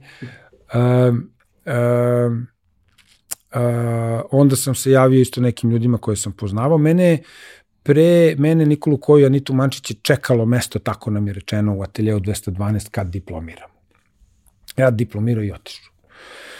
Uh, javio sam se, kažem, koga sam znao i onda je pročulo se, u avgustu mislim da se vratio, mene su već recimo u oktobru zvali, slagaću te, mislim da, um, mislim da sam prvo nešto igrao u Jugoslovenskom dramskom. Uh, tu, i to, tu su mu upoznao neke klince, uh, Đurička, Borisa Milivojevića, mi bili klinci, recimo, treće godine, druga, treća godina u to vreme, tako nešto. O, Irfan Mensur je režirao. Vartolomejski vašar, Ben Johnson, sećam se. I kao Zvalimer tu treba puno pokreta, ne znam ovo, ono i kao super. I e, onda se pročilo, onda sam uskoč, onda sam uh, dobio još jednu predstavu, drugu, onda su me zvali nešto za RTS da snimam ono, neki školski program i tako nešto, što sam radio bio i dok sam studirao. To je bila super škola isto.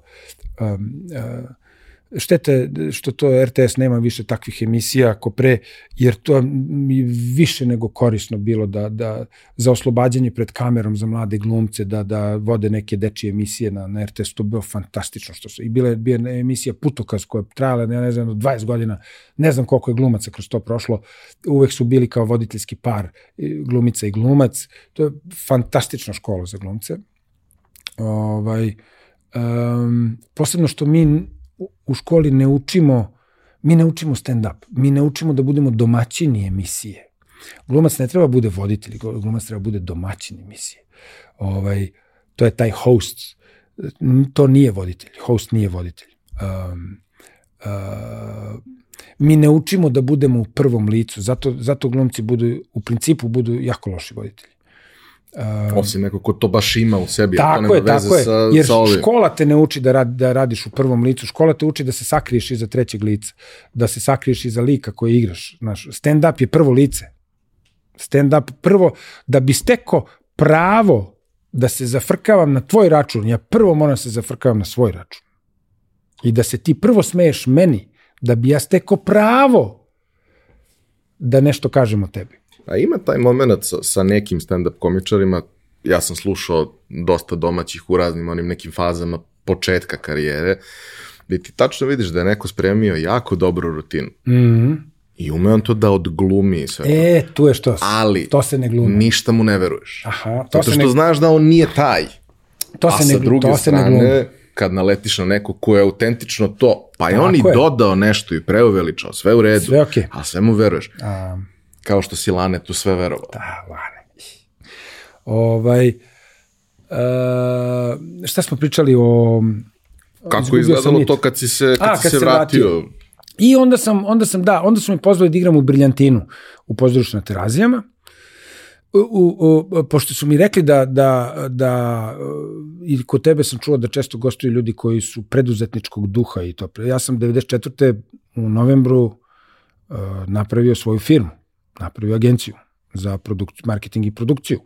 I prva predstava koju sam radio je bila porodica Kremenko u Lepenskom viru. Jer sam hteo da iskoristim popularnost crtanog filma, plus minus isti period od pre ko zna koliko miliona godina, hiljada godina, ovaj, i da kroz, kroz to promovišem e, našu kulturu. I to igrali domove sindikata, ovo ono, puko sam sa parama, najstrašnije. Predstava koštala tada 25.000 maraka, to je 94. godine, to... Ovaj, ali nema veze. ja sve to entuzijastično došao, nisam znao uh, kako to ide, ali sam mnogo naučio, da peko sam producentski zanat, sad svašta znam. Ovaj, uh, I igrao sam u Briljantinu, u toj prvoj postavi, tu sam upoznao Milenka Zablaćanskog. I mi smo super bili, dakle, posle Radeta Markovića, uh, s kojim sam bio tandem i s kojim posle više nikad nisam igrao na sceni. To mi baš žao. Ovaj, uh, uh, ko, ovaj, sa Milenkom Zabrucanskim sam postao super tandem, nas dvojica smo se na sceni odlično slagali, obojice smo volili da improvizujemo, E sad ja sam kao mlad naravno tu bio malo više razularen i onda kad krenem ne znam da stanem, ali on mi je bio taj koji me malo krotio jo, i, i to, je, to je bilo super. Uh, uh,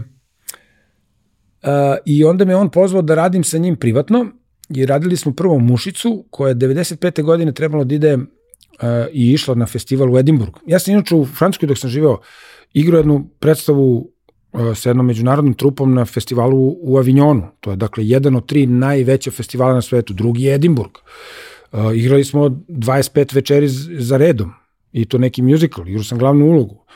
Uh, to je off, naravno, jer da dođeš na in moraš da si berlinska opera, da, znači da si ozbiljna institucija, gde gostovanje košta između 500.000 i miliona ili 2 miliona evra. Tada maraka, franaka, šta god. Uh, tako da sam ja stekao lepo iskustvo u Francuskoj, naučio sam jezik, glumio sam na francuskom, ja nisam znao da beknem francuski, govorio sam odlično engleski, ali francuski ništa. Ovaj, I tamo sam naučio dosta o privatnim trupama. Završavao sam ja neke kurseve posle van škole i e, filmske režije još malo u, neko, u nekoj privatnoj e, školici, pa onda u produkcije, e, volontirao sam u nekoj producentskoj kući, pa mene je zanimalo sve, ja sam razvlačio kablove, kačio reflektore, meni, morao sam da znam sve o pozorištu da bih bio komotan u pozorištu. Danas glumci malo su glumci i to je to. Naša škola ti inače uči, ti si glumac, ti imaš svog garderobera koji te oblači, šminkerku koja te šminka, Ti imaš si samo svoju- glumac. ti si samo glumac, izađeš na scenu Narodnog pozorišta, staneš, odrecituješ nešto i vratiš se, e, dobiješ aplauz gromoglasan i postaneš prvak. Čekajte bre ljudi, nije to baš tako. Posebno ne u današnje vreme, apropo preduzetništva. Ja e, godinama sam tražio gazdi tadašnjem a, a, a, ovoga Akademije lepih umetnosti, daj da uvedemo preduzetništvo kao predmet glumcima. Izaći će iz škole. Na, šta će prvo da uradi kad neće imati posla? Otvorit će školicu ili će da a, pravi svoju privatnu predstavu? Nema treće.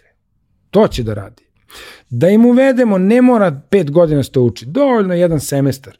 Ili trimestar, Bolonja dozvoljava trimestre, ajmo trimestar, daj mu malo da nauči nešto o PR-u, da ume sebe da promoviše svoju predstavu, da promoviše. Daj mu pedagogiju. Sada, sada je malo drugačije, a poslednjih dve, tri, četiri godine. Ali svi profesori na svim akademijama su profesori amateri. Ja sam profesor amater jer nisam učio pedagogiju. Učio sam psihologiju karaktera i tako dalje zbog glume, ali je trebalo da učim i psihologiju uh, uh, uh, dečiju ili ličnosti ili ne znam šta. Znači, morao sam, da bih bio pedagog, morao sam da učim nešto o tome. Morao sam da učim uh, nešto o sistematizaciji svega toga i kako prenositi toj deci, a nisam, nije niko, nije ni profesor Bajčetić. Neću grešim dušu, ne znam, ali nije. To treba uvesti i rediteljima i glumcima i operskim pevačima, svima, malo, nije to strašno, sa šest meseci, ne treba, neću ja budem, završavam pedagošku akademiju. E, e, e, to kod nas, ta vrsta inovacije programa se ne radi, mi smo zabagovali u 19. veku i to je to. Ovaj, inoviraju oni malo neke druge stvari. Sad kao daju, imaju predmete, ove, kako što zove, izborne kao ma super, daj mi, ali daj neki koji će mi biti obavezan, jer uvek sam kao profesor smatrao da moja obaveza nije samo da omogućim da dete dobije diplomu, ne, nego da se sa tom diplomom, da, da, da mu ta diploma donese leba. Znači, shvatao sam, e, e, osjećao sam se odgovornim e, što ta deca rade ili ne rade posle akademije. Pa Izvini, to je, opet to je sam drugi otišao u deo digresiju. problema ovoga kada sam pričao sa, sa, sa ovim drugarovim klincem. Da. Čak i da upadneš i da završiš da budeš sjajan, nema garancije da ćeš imati prilike da to radiš. Nema. Ok, desilo se to da sada mi imamo mnogo produkcije, da svi glume u nekim serijama i sve ostalo, ali pre pet godina toga nije bilo. I ti si imao vrlo mali broj filmova, opet se nije biti. menjalo Ili često. za dve. Ovaj, I ti nisi mogao da dobiješ priliku. Prilika da se ti probiješ da dobiješ priliku u nekoj seriji ili nečemu je obično bila tako što si ti dete iz reklame. A da upadneš u reklame opet nije to baš tek tako. I drugo, mnogo je hiperprodukcija je glumaca. Sad imaš, uh, u Beogradu imaš dakle FDU, imaš Kariće koji se sad zovu Alfa, ne znam kako, Alfa, ne. Alfa BK, ovaj, imaš uh, Akademiju lepih umetnosti, sad se zove Fakultet savremenih umetnosti, uh, promenili su gazdu i mnogo bolje funkcionišu. Uh, to je Beograd. Bile su, bila je još neka nova akademija, tamo je nešto Ljuša Ristić radio i Cvele, e, ne znam, mis- mislim da to više ne postoji. Imaš Novi Sad, imaš Prištinu koja je izmeštena, ne znam gde je izmeštena, e, na Kosovu. Dakle, imaš pet. Bio je i Novi Pazar u jednom trenutku. Znaš, drugo imaš, imaš Banja Luku, ipak to, to su sve, nije formalno ista zemlja, ali gravitiramo. Ovaj, našli smo, tu smo se pomognemo. Ovaj, imaš, e, e, bila je, bilo je u Bijeljini, ne znam da li postoji, prvo je bio onaj em, Pavlović, a onda su oni prebegli kod, e, e, u, u Sinergiju, ne znam da li to još postoji. Mnogo, bre, brate. I svaki, svaki od njih izbacuje po 10-12 ljudi godišnje, glumaca. Malo smo mi tržište. A zato sam hteo da njima kažem, e, vidi, šta rade ti glumci posle? Ajde da vidimo šta rade. Da uradimo jedno istraživanje. Znam po svojim studentima šta rade. Jedni su se odmetnuli u voditelje, drugi, si, drugi su PR-ovi u nekim firmama, ovaj, treći imaju te neke škole. Daj da mu dam semestar PR-a da nauči nešto o tome, da bude spreman i za to. Biće mu od koristi, a možda se zaposli kao PR, jer ipak ima školovan glas, dikciju, lepo govori, biće, što kažu, glasnogovornik, odnosno port parol ovaj, u nekoj firmi ili za neki brend ili za ne znam ovo. Što da ne nauči, imaće zaposlenje. Bre. Ne, ne, to kao, na, to, čak nije ni povećanje troškova, recimo ta akademija imala, ima menadžerski smer. Samo ga uskladiš rasporede da može da ide da sluša sa, sa nekima još nešto. Jedan semestar, dosta, puna kapa. Daš mu ovaj, elemente novinarstva da uči da bi naučio da napiše uh, uh, vest, odnosno na sličan način se pišu uh, press release, odnosno ove za uh, informacije za medije, obaveštenja za medije. Šta fa? Daj mu malo marketinga da zna da, da, da, može da, da kreativno osmisli kako da dođe do pare. Nije fora samo, e, dobar dan, i meni treba sponzorstvo. I? Znaš, daj da ti smislim način da, da ti kažeš, ej, vidi, stvarno, ovaj mi nudi nešto što je meni korisno i na drugačiji način. Znači, ne ja samo tebi dam pare, a ti meni lupiš markicu negde na sajt ili oj, oj, to je to.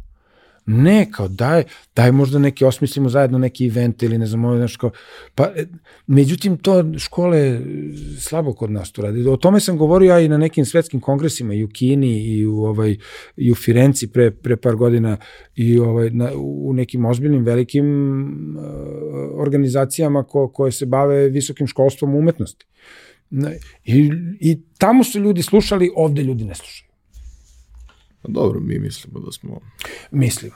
Mislimo. Drugo, šta će klijent da uradi isto? Šta ima? Pa ima YouTube. On prvo što će da ima sad TikTok. On će početi sebe da snima. Na ovaj ili novi način. Daj mu jedan semestar osnove kako da postavi svetlo, kameru, da bi to imalo nekakav estetski nivo. Jer ovo što gledamo po YouTube-ovima, TikTokom je ovo 99,99% je đubre koje možeš da, ne samo po sadržaju, ajde sadržaj, nego po estetici. I onda se kriterijum dece koja rastu na tome, estetski kriterijum snižava. I onda je normalno da će sa ne znam koliko godina da gledaju uh, reality programi i ovo, jer je to, to je na tom nivou. To je promocija diletantizma. Danas na planeti se promoviše diletantizam zato da bismo bili politi politički korektni i rekli da svako može sve da radi. Ama ne može, bre. I mora se škola. Izvinite kao. A ja mislim da ono, sve te neke zanatske stvari treba da se savladaju da bi ti mogao da se nečim baviš. I da Tako da to je. zanatski da bude prihvatljivo Tako nije je. teško. Nije. Nije ni skupo. I nije neka nauka.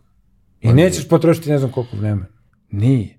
Nauči, budi estetski korektan. Budi, znaj, te, tebi je zanat, ško, škola te uči tom zanatu, tehnici nekoj, jo, jednom načinu razmišljanja, ne 125, dosta je jedan. I naučite kako da uh, istražiš drugi način razmišljanja. I to ti je dovoljno da dobiješ od fakulteta, od škole. Ovaj, I onda ti samim tim ona predstavlja, ja sam to klincima govorio, ja, fakultet, ne, ne, šta će meni fakultet za glumu? Pa treba ti. To je ona mreža ispod uh, uh, trapeza, koja te, ako se omakneš i padneš, uvek te sačeka i sačuva. Sačuva ti život, jer kad ne znaš kako da uradiš neku ulogu, isprobavaš nešto novo i vratiš se na početak, jer imaš tehniku, imaš savladao si nešto, vratiš se na bazu i kažeš ajmo od početka. U karlingu svaka sezona počinje sa treninzima kao da si početnik. Prvo isklizavanje sa četkom na ledu, pa onda isklizavanje sa kamenom, pa isklizavanje sa četkom ovde kamenom. Dakle, olimpijski pobednici sezonu počinju tako. Kao da nikad nisu stali na led. Pričat ćemo o karlingu. Mislim da to što kažeš da se to uvede u nekim kraćim oblicima semestralnim ili nešto slično je Ma jako da. dobro zato što to će dati neku osnovu i kome treba zainteresovaće ga za to možda više. Pa će se usavršavati sam, ali neće početi od nule, počeće sa nekom bazom koja je Tako je. prihvatljiva Tako i je. usavršavati se ako bude treba. Nauči ga malo kako se radi podcast. Podcast nije neka nauka, ovo, to, ovo je radio emisija koja se snima kamerom. O, o, televizije su tako počinjale, dakle ništa mi novo nismo izmislili, sad smo mu izmislili novo ime. Ali nije. Naučite, što? Možda, možda dečkić ili devojčica imaju talenta za to, imaju smisla. Možda su smislili nešto što ti ja nikad nismo, nije nam palo na pamet. Pusti ga. Ali daj mu osnov da ne mora sam da brlja posle po tome, kad već sve imaš tu. Sve ti je tu. Sve je mnogo dostupnije nego što je bilo. Pa da. Kako si se ti snalazio kroz ovih par decenija Da. sa, sa glumačkim pozivom koji ti je, da kažemo, to primarno i osnovno? E, imao sam sreće e, i sve uloge koje sam igrao u životu dobio sam ih. Bio sam pozivan za to. E, zbog toga verovatno poslednjih 10 godina vrlo malo igram ili ne igram, ovaj, posebno po televizijama i tako dalje, E, jer ja nisam od onih glumaca koji će pozvati nekoga telefonom i reći uh, e, ali imaš neku ulogu za mene? Uradio sam to tri puta u životu i nisam dobio ulogu. I mene je to sramota. Dakle, ja sam onaj iz 20. veka koga je to sramota, što je potpuno pogrešno. Dakle, to je potpuno pogrešno. Ali to je sad deo mene i ja trudim se to da pobedim, ali mi je teško. Uh, kad nisam imao, pravio sam sam, bio sam preduzetnik. Uh, producirao sam tada rekao, ovo, Kremenka, posle sam producirao još jednu ovaj, dečiju predstavu, šta je bilo, zaboravio sam. Producirao sam u to vreme kad je Pink počinjao emisiju Jaba Daba Vizija sa tim kostimima i to sve znači iskoristio opet, ali u drugom mediju pravio neki, pravio sam neki, kako se zove, uh, kviz za decu. Uh, mislim da Željko Mitrović ne zna da je u stvari njegova televizija imala prvu interaktivnu igricu na televiziji, ovaj, to je bilo u Jabadaba viziji, jer ja sam rastao na Hugu uh -huh. u, u Francuskoj i išao na TF1 E, e, statirao sam tamo u nekoj emisiji i neki prijatelj naš je bio neki asistent režije, onda sam pitao, mogu ja Huga dodem da vidim, pa sam išao malo da vidim kako oni to rade, pa sam probao da dovedem Huga ovde, ali ne Huga Huga, nego sam išao tada de, ovaj, pokojnom Rici na RTS, posle on prešao na BK, nudio, rekao da evo Huga, znam kako se radi, bio sam, video sam, ajde da pravimo Marka Kraljevića, da ne bude Huga, aj Marka Kraljevića napravimo našeg pa se na kraju ništa nije desilo i onda se pojavio Izi. Da, da. Ovaj, uh, to su drugari moji neki radili, uh, radili Izija i onda sam odveo celu klasu tamo da pozajmio glas, kla, glasove. Zvali su me kada daj nam neki glumce, evo rekao. Ovaj, a prva interaktivna to je, na primjer, 95. godine smo radili, 95 ili 6. ta Jabada Bavizija, stavio sam zeleno platno na pod a, za chroma key i stavio sam dva klinca na dva kraja tog zelenog platna, kamera je snimala od ozgo i tu sam projektovao u, u, u izlazu, odnosno u emitovanju se videla video lavirint iscrtan. Klinci to nisu videli. I imao sam dva klinca na telefonskoj vezi od njihovih kuća i ima ta, nije arjačkinje, barjačkinje, care, care, koliko ima sati ako se sećaš te igre i onda ti on kaže tri mišija, dva zečija, e, govori ti kakvim koracima da ti pristupaš. E onda su ovi govorili idi levo, tri mišija ili idi desno, dva, dva slonovska ili o, i onda je bila, bila fora ko pre stigne do nekog e, nacrtanog ćupa sa zlatom ovaj, ovaj, u, u, u sredini. Tako da to, mislim da je to, neću da, da tvrdim, mislim da je to prva interaktivna igrica ovaj, na našoj televiziji te 90 recimo 5 ili 6 godine. Um, dakle, kad nisam imao stvara, pravio sam sebi posao. I uh, pošto sam naučen da radim, uh, kad ne radim onda mi je dosadno, uh, neću da kažem da sam workaholic ili nešto slično, ali jesam. Sad malo manje nego pre. Stvarao sam sebi posao i i to je uvek bilo nešto neobično. Mislim, to je uvek bilo nešto različito. Um, uve, trudio sam se u životu da mi ne bude dosadno.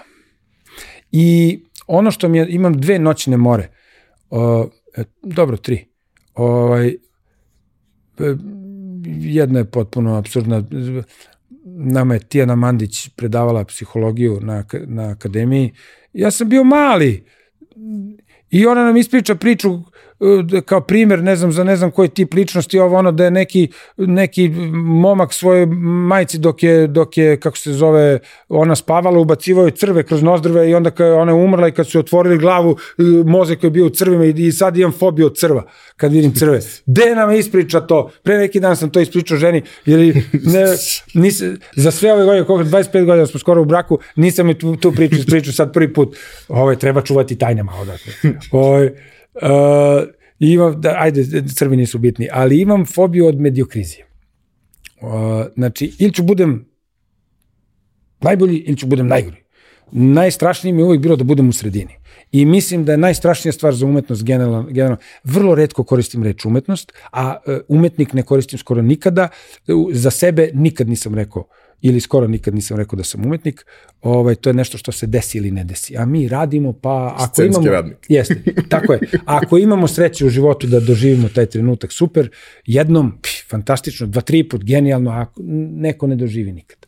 Ovaj, um, mislim da to razara umetnost, ta osrednjost i to da budeš korektan i to da budeš u modi. Nikad nisam bio u modi. Uh, to su me od malena roditelji naučili kad, smo svi nos, kad su svi nosili Starke i Nike ovaj, i Levis 500 Cats, oni su mi rekli, vidi, eh, evo ti, pošto su Starke, toliko.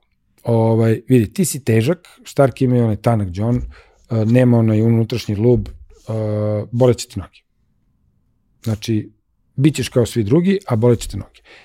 Pošto su Starke toliko, evo ti duplo više para, kupi sebi dobre, lepe, udobne patike. I onda sam ja nosio Pumu i Adidas u ono vreme kada je to ličilo na nešto, sada je to nešto, ne mogu nađem patike za sebe, sve nešto vrište neke Sve boje. Rekao, da ste ljudi normalni, ja neću da se vidim u mraku. Ja, ono, jel ima nešto jednobojno? Ja prvo- Ide se po outletima ne zato što je jeftinije, nego zato što ima nešto od pre pet I- godina. Da, što ima je nešto, ima nešto u jednoj ili dve boje. Ovo sada, nevjerovatno, kao, dajte ljudi dokle više. Ovaj, I oni su, dakle, oni su me iz, iz, u osnovnoj školi iz, iz, izdrilovali da ne budem kao drugi i hvala im neizmerno na tome. Uh, I to me nekako vuklo i kroz svoju karijeru, i sa pantomimom, i kasnije s tim karlingom, i sa tim porodicom Kremenkom u Lepenskom viru. Uvek, uvek sam nekako gledao da, da nešto sm, smutim, nešto smućkam.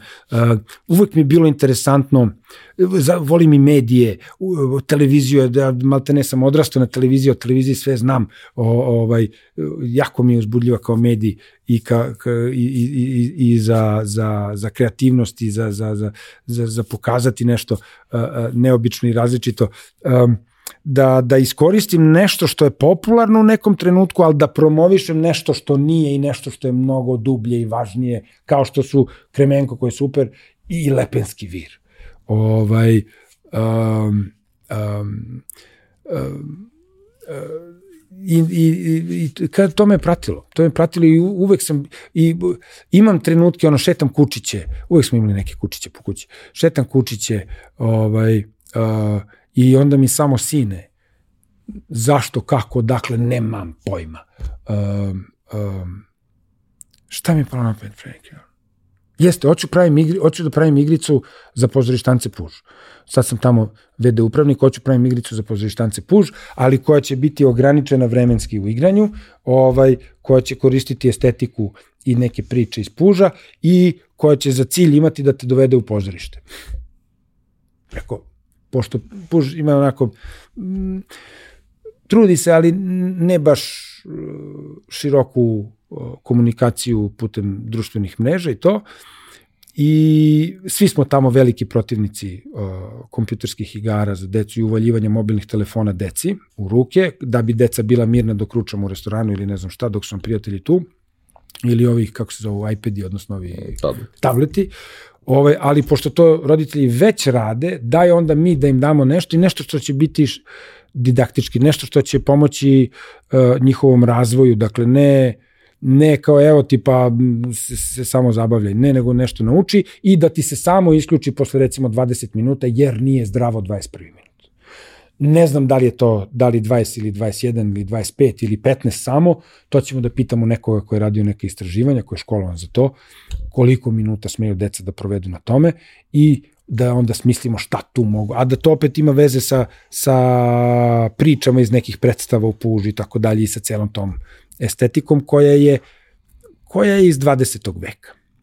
Ja je pamtim kao nešto predivno, ali to je bilo pre 30 godina. Jeste. E, ne zna, ubeđen sam da ne znači da to sada ne može da prođe. Pretpostavljam. E, e, I ne znači da sve mora da se prilagodi nekim trendovima. Drugo, za sve postoji publika. Na planeti za sve postoji publika. Mi jesmo malo tržište, ima nas 6,5 miliona, ali i ovde za sve postoji publika. Sad, da li će to biti milion i po ljudi, ili će to biti 150 hiljada, ili će to biti samo 15, to je druga priča. To je sad priča o matematici, statistici i brojkama. Ovaj, a, za sve postoji publika. I mislim da tu, recimo, Puž je istrajao u svojoj, u svojoj estetici, u svom stilu i gaji to i e, ljudi koji tamo rade nastavit će to da gaje i kad dođu neki novi ljudi, oni će prvo uz ove da budu odgojeni na tome. Ove, naravno, uz sva prilagođenja, u sva prilagođenja. Ali ne znači da sve mora da bude tu, tu, tu, tu, kratki rezovi, tu, tu, tu, tu, ne znam, uh, uh, drečave boje i ne znam šta. Čekaj, daj da vidimo. Uh, psihologija dece se nije promenila. Mi je menjamo usput.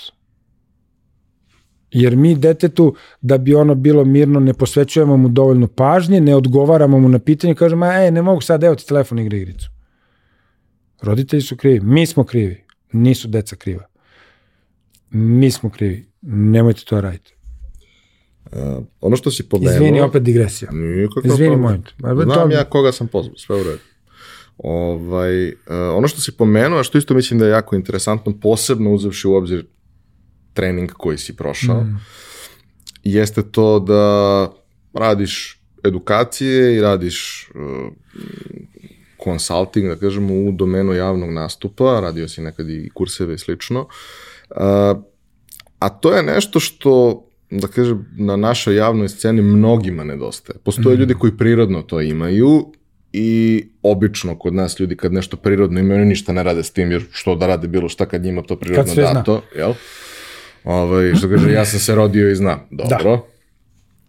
Ali kod gomile drugih ovaj, koji su prosto uh, žive jedan deo svog života u javnom prostoru, vidimo koliko tu ima propuste i svega i generalno bi sa Lazom Džamićem sam pričao par puta mm. o svemu tome, ono koliko smo mi hendikepirani kao nacija u smislu komunikacije, da se ne razumemo međusobno, da vrlo često smo agresivni u komunikaciji, a da nismo svesni toga. Jedna da, da. stvar je kad si ti agresivan, ali znaš da si agresivan, nego prosto ono, mislimo da to tako treba i tako dalje. Uh, kako si ti pristupio rešavanju tog problema? Um, Ja sam u to ušao, opet ja, izvinjam se, ušao sam u to slučajno. Um, uh, prijatelj, evo već koliko smo drugari već 30 godina, je, tad smo se slučajno upoznali, ovaj, on je radio u nekoj uh, PR agenciji, uh, pa je prešao u neku drugu koja je imala svoju školu za PR i otkazao im je uh, predavač za neverbalnu komunikaciju. I on se seti meni, zovne mi kaže, e, Mare, ti si učio pantomimu, jel bi ti mogao da pričaš o neverbalnoj komunikaciji? Zove se Peđa Karašović. Karasović. Rekao, čoveče, čekaj bre da vidim šta je to, polako. I jedva sam našao neke knjige u to vreme da vidim, ovaj, to je kraj 90-ih, šta je to? I kad sam pročitao dve knjige uh, Desmonda Morisa, mm -hmm. uh, shvatio sam da ja to primenjujem kao glumac i kao pantomimičar, a da nisam znao, naravno u drugačije stilski i tako dalje, a da nisam znao kako se to zove, da nisam znao šta je to. I onda sam rekao, ajde da probam, ne mogu da ti tvrdim, spremit ću predavanje, tad sam već predavao bio glumcima i to, rekao, evo spremit ću. I to je tako, tako je krenulo. I to se pokazalo ok. Moj stil predavanja, uh, pošto je, mi je osnovna struka glumačka, a i komičar sam, ovaj, Uh, ja to zovem stand-up predavanje, u to je izraslo umeđu vremenu. Ne koristim PowerPoint prezentacije niti bilo koja druga sredstva. Sam sam sebi, kasnije sam se, sa indeksovcima kad sam radio, imali smo foru i to je bilo u predstavi Živi BIM. Ovaj, ja sam bio vid, sam sebi video BIM, odnosno Živi BIM. O, i, to, I to mi je na predavanjima. Dakle, kad treba je bukvalno stand-up predavanje, znači ja govorim u prvom licu, sve normalno predavanje, a onda iskočim pa nešto im pokažem što o tome što sam pričao, znači o, o, ilustrujem, odigram, um, i to bude zabavno, ne bude ljudima dosadno, što je vrlo bitno. Na momente se nasmeju, što je takođe važno, jer udahnu kiseonik svež, tako da se i razbude, što je opet bitno i u prezentacijama, i u razgovorima i tako dalje. Ti u nekom trenutku moraš onda ja radim s njima vežbe, pa ih prodrmam, znači kad vidim malo da počnu da kljucaju, op, ajmo vežbice i tako dalje, sve to deo ovaj, deo predavanja i eto koliko to dugo radim, već 20, 20 i kusur godina, došao sam do nekog svog Metoda. Metoda, da, kolebao sam se da li to, tu reč da iskoristim, ali jeste, faktički jeste. Ovaj, gde sam koristio te, dakle, i ono što je teorija i te praktične vežbe i to što sam ja prošao, znači te neke razne vežbe, neke nove svoje sam izmislio uh, na osnovu tih nekih glumačkih, gluma nije ništa drugo nego javni nastup, komunikacija, Naravno. ovaj, samo primenjeno u druge svrhe. Svi smo mi pripovedači, ovo, mi pripovedamo sada. Uh, svi mi pričamo priče, promocija brendova, ovog ono, to je pripovedanje, dakle mi smo, u našoj biti je da smo pripovedači. Što će reći da dok nismo, dok naši preci nisu imali razvijen larynx i gušu kao mi danas, glasne žice koje mogu da kore, da bismo proizvodili glasove koje kontrolišemo, ovaj, prvi pripovedači su bili pantomimičari. Pa, zar ne? Mora nekako da kaže kad dođe, uh, vrati se u pećinu zašto nije doneo uh, butkicu od dinosaurusa. Doduše nismo živjeli u isto vreme s dinosaurusima, ali dobro je za pripovedanje. Ovaj, uh, pa je to objašnjavao pantomimom. Pre nego što je počeo slika po zidovima pećine. Jer za slikanje po zidovima pećine ti ipak treba koordinacija mnogo bolja nego za, nego, da, da, nego za pantomim. Ovaj, I to je, to je tako krenulo, tako da tu postoji taj neki spoj onog što je glumačko, ali u prvom licu i moj metod, su, moj koncept suštinski je da ti ja ne dajem gotova rešenja kao što to vole Amerikanci da rade. Oni, ja volim ja te njihove knjige, digest, ovo digest, oni dati gotovo rešenje. Ako ovaj kaže ovo, ti reci ovo i bit će sve super. E, ja ti dam alate. I uh, uh, um, um, ne menjam ti ličnost, znači ne menjam te, nije mi to poenta. Evo tebi alat, oruđe, evo ti i oružje, a ti ga koristi kako ti misliš da treba. Shodno svom temperamentu, svojoj ličnosti, karakteru, uh, uh, onome što ti jesi. Ako hoćeš da se kriješ iza nečega, to nije moj problem. U to se ne mešam, ti se kri, ako si dovoljno vešta. Ako hoćeš da pokažeš sve, ti pokaži. Ali evo ti alate da to uradiš. Ovaj, I imam super rezultate. Radio sam stvarno sa raznim ljudima, totalnim uh, uh, antitalentima za bilo kakav javni nastup. Posle par treninga on prvo skupi hrabrost, to je opet priča o, o, o samopouzdanju. Ovaj, znaš, kako, kako da se oslobodim treme? Pa, da, nećeš se osloboditi ako nemaš samopouzdanja. Nemoj pitaš kako se oslobodiš treme, nego poradi na svom samopouzdanju. A samopouzdanje je kao velika puzla, odnosno a jigsaw puzzle, ova slagalica. Pa tek kad složiš ovaj uh, uh, kad, kad, kad skupiš uh, uh, uh, složene delove te slagalice, ne, nikad ne složiš sve, možda kažeš da imaš, da imaš samopouzdanje. Dobra priprema, uh, uh, kako se zove, tehnika, tehnika mnogo važna. Ljudi beže od tehnike, ali tehnika mnogo važna. Nije poenta, e, samo što to, to se kod nas isto često greši, e, tehnika postane sama sebi svrha. U pantomimi isto, recimo, posebno kod dekruovih, dekruovih studenta, tehnika postane sama sebi svrha umesto da je koristiš da bi ti nešto svoje. Ovaj, um, i, I kada to složiš i kada to ljudi kod sebe demistifikuju, ja mnogo volim da demistifikujem stvari, to mi je ih, posebna poslastica, ovaj, uh, onda nemaju problem sa javnim nastupom. Znaš, onda izađu pred ljude, a javni nastup je mnogo zeznut, zato što to je, mislim, na kraju kad pričamo o strahovima, o, a trema je strah, ovaj, svede se opet sve na strah od smrti, jer ti kad izađeš pred e, masu ljudi, uh, i lupiš neku glupost, ti si društveno umrea. Uh, kraj. Uh, I toga se zapravo ljudi plaše najviše, da ne ispadnu glupi pred drugima. Uh, I opravdan strah, ne mogu da kažem, za neki. Um, ali, ali kad imaš tehniku i kad si se dobro pripremio, što bi? I naravno kao i u svemu, kad to ponoviš sto puta, sto prvi put ti nije ništa. Ima tu jedan uh, još uh, sloj svega koji je, koji je meni lično bio posebno zanimljiv. Mislim, ja naravno kao introvert imam strah od svega toga, ali hiljadu puta kasnije više, mislim, potpuno je nebitno. Ali mi se desilo, to sam prepričavao nekoliko puta, um, tad sam već bio prilično iskusan i u intervjuima i u javnom nastupu, predavanjima i slično. Uh, i dobio sam poziv da mm, konkurišem za sportskog komentatora, nešto sam stvarno voleo, želeo da radim, ok, u neko slobodno vreme, ali sve jedno. I u, dobio sam kao neku pripremu, savete, ušao, ništa nisam uspeo da uradim jednom, drugi put zaklopio laptop i zašao i rekao, jebi ga ljudi, ništa od toga. Pričao sa posle jednim mlađim kolegom, ovaj, Bakijem, hvala mu puno, i on mi pomogao oko nekih stvari, A ja sam onda skapirao zapravo šta je problem bio i nekako sam našao način da ga prevaziđem, odradio sam dobro probni prenos i sve to posle. A to je da ti kad se baviš javnim nastupom, mm -hmm. ti imaš povratnu informaciju. Tako je koja možda nije dobra, ali ti tražiš, tražiš, tražiš, tražiš i kad ubodeš, ubosi i voziš. A ovde si ti ludak koji priča u crnu kutiju. Aha. I ne znaš šta se dešava i ne znaš kakva će reakcija yes. biti. Treba da možeš da je pretpostaviš. Ali je to mnogo teško. Mm. I imao sam takve situacije par puta u nekim gostovanjima na televiziji.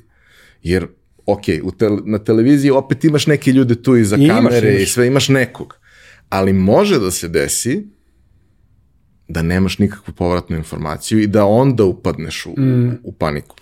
E sad, dobro, to su specifične situacije. Volio bih, ako možeš da uh, mi kažeš par nekih stvari koje si ti primetio da su jako karakteristične kao česti problemi koje ljudi imaju, koji su uglavnom to iz mog nekog iskustva posledica toga što smo mi zatucani, jel? ali ne mora da bude. Šta su najčešći problemi koje, koje ljudi Mi imaju? ne znamo da dišemo. Ali nije to problem samo kod nas. Znači, prva stvar je mi ne znamo da dišemo. Mi generalno svi dišu plitku u gornji deo pluća i koristimo 25 do 30% kapaciteta pluća. I tako dišem ja, tako dišu svi. Međutim, moramo da razvijemo, da, da osvestimo mišiće koji u tome mogu da nam pomognu, to su ovi međurebarni mišići, to je dijafragma i tako dalje, koji mogu kad udahneš, kad, da ti vazduh ode prvo u ovaj donji deo pluća kada imaš javni nastup, jer ti onda tri puta manje tri puta manje u minuti možeš da udahneš, a da udahneš istu količinu kiselnika. Kao sa plitkim kad se luči adrenalin, kad se uplašimo, kad imamo tremu, nama se ubrzava rad srca i disanje postaje još pliće jer je važnije da što pre dođe do razmene gasova, da bismo mi imali što više sveže kiselnika stalno uh, uh, uh, u, u organizmu da bi varili šećere, jer kad, kad spržiš šećere kiselnikom, oslobađa se energija da možeš da se pobiješ ili da pobegneš. Nema treće. Ovaj, e sad, ono što recimo imaš opciju da, da bi se oslobodio toga, da bi se oslobodio treme, da odeš kod, ne, kod stručnjaka na kanabet i da se lepo ispričate, što je validno i super.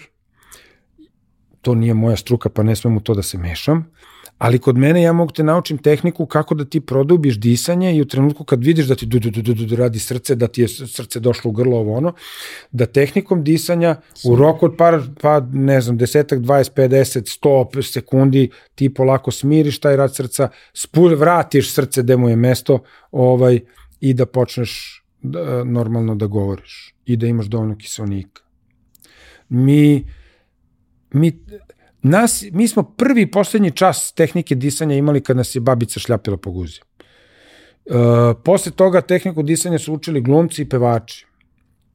Ili po nekim sekcijama, opet glumačkim, dramskim, pevačkim, ili eventualno, ne znam da li su to radili na Radio Beogradu, ovaj, za voditelji novinare kada su prolazi. Tamo je ovaj, Dejan Đurović držao. I to su bili fantastični. Da, da, mislim da, da, da nisu svi prošli, ali to svako ko je prošao kod Dejana Đurovića je posle dobro govorio. Dakle, to je jedna stvar, vrlo bitna. Može iznutra na spolja, na kanabetu, i treba, a može i od spolja, oho, izvinite mikrofon, može i od spolja ovaj, na unutra. Najbolje je jedno i drugo. Um, ono što primećujem kod mlađih ljudi sve više i više, svi smo to prošli u principu kad smo bili u pubertetu, kad nam ništa nije važno, kad smo buntovni, kad ovo, kad ono, kada tražimo svoje mesto u društvu, kada nam je jedna ruka duža, jedna noga kraća, hemija poremećena, dok, dok taj razglavljeni, rastureni, rastureno telo nam se ne sastavi ponovo sa negde 20, 21, 2, ovaj, um, da nam nije bitno kako pričamo uopšte i da uopšte ne, ne otvaramo usta i da šta, šta ja imam da naučio sam da pričam kad sam imao godinu, godinu i po dana i šta sad moram da opet učim da pričam.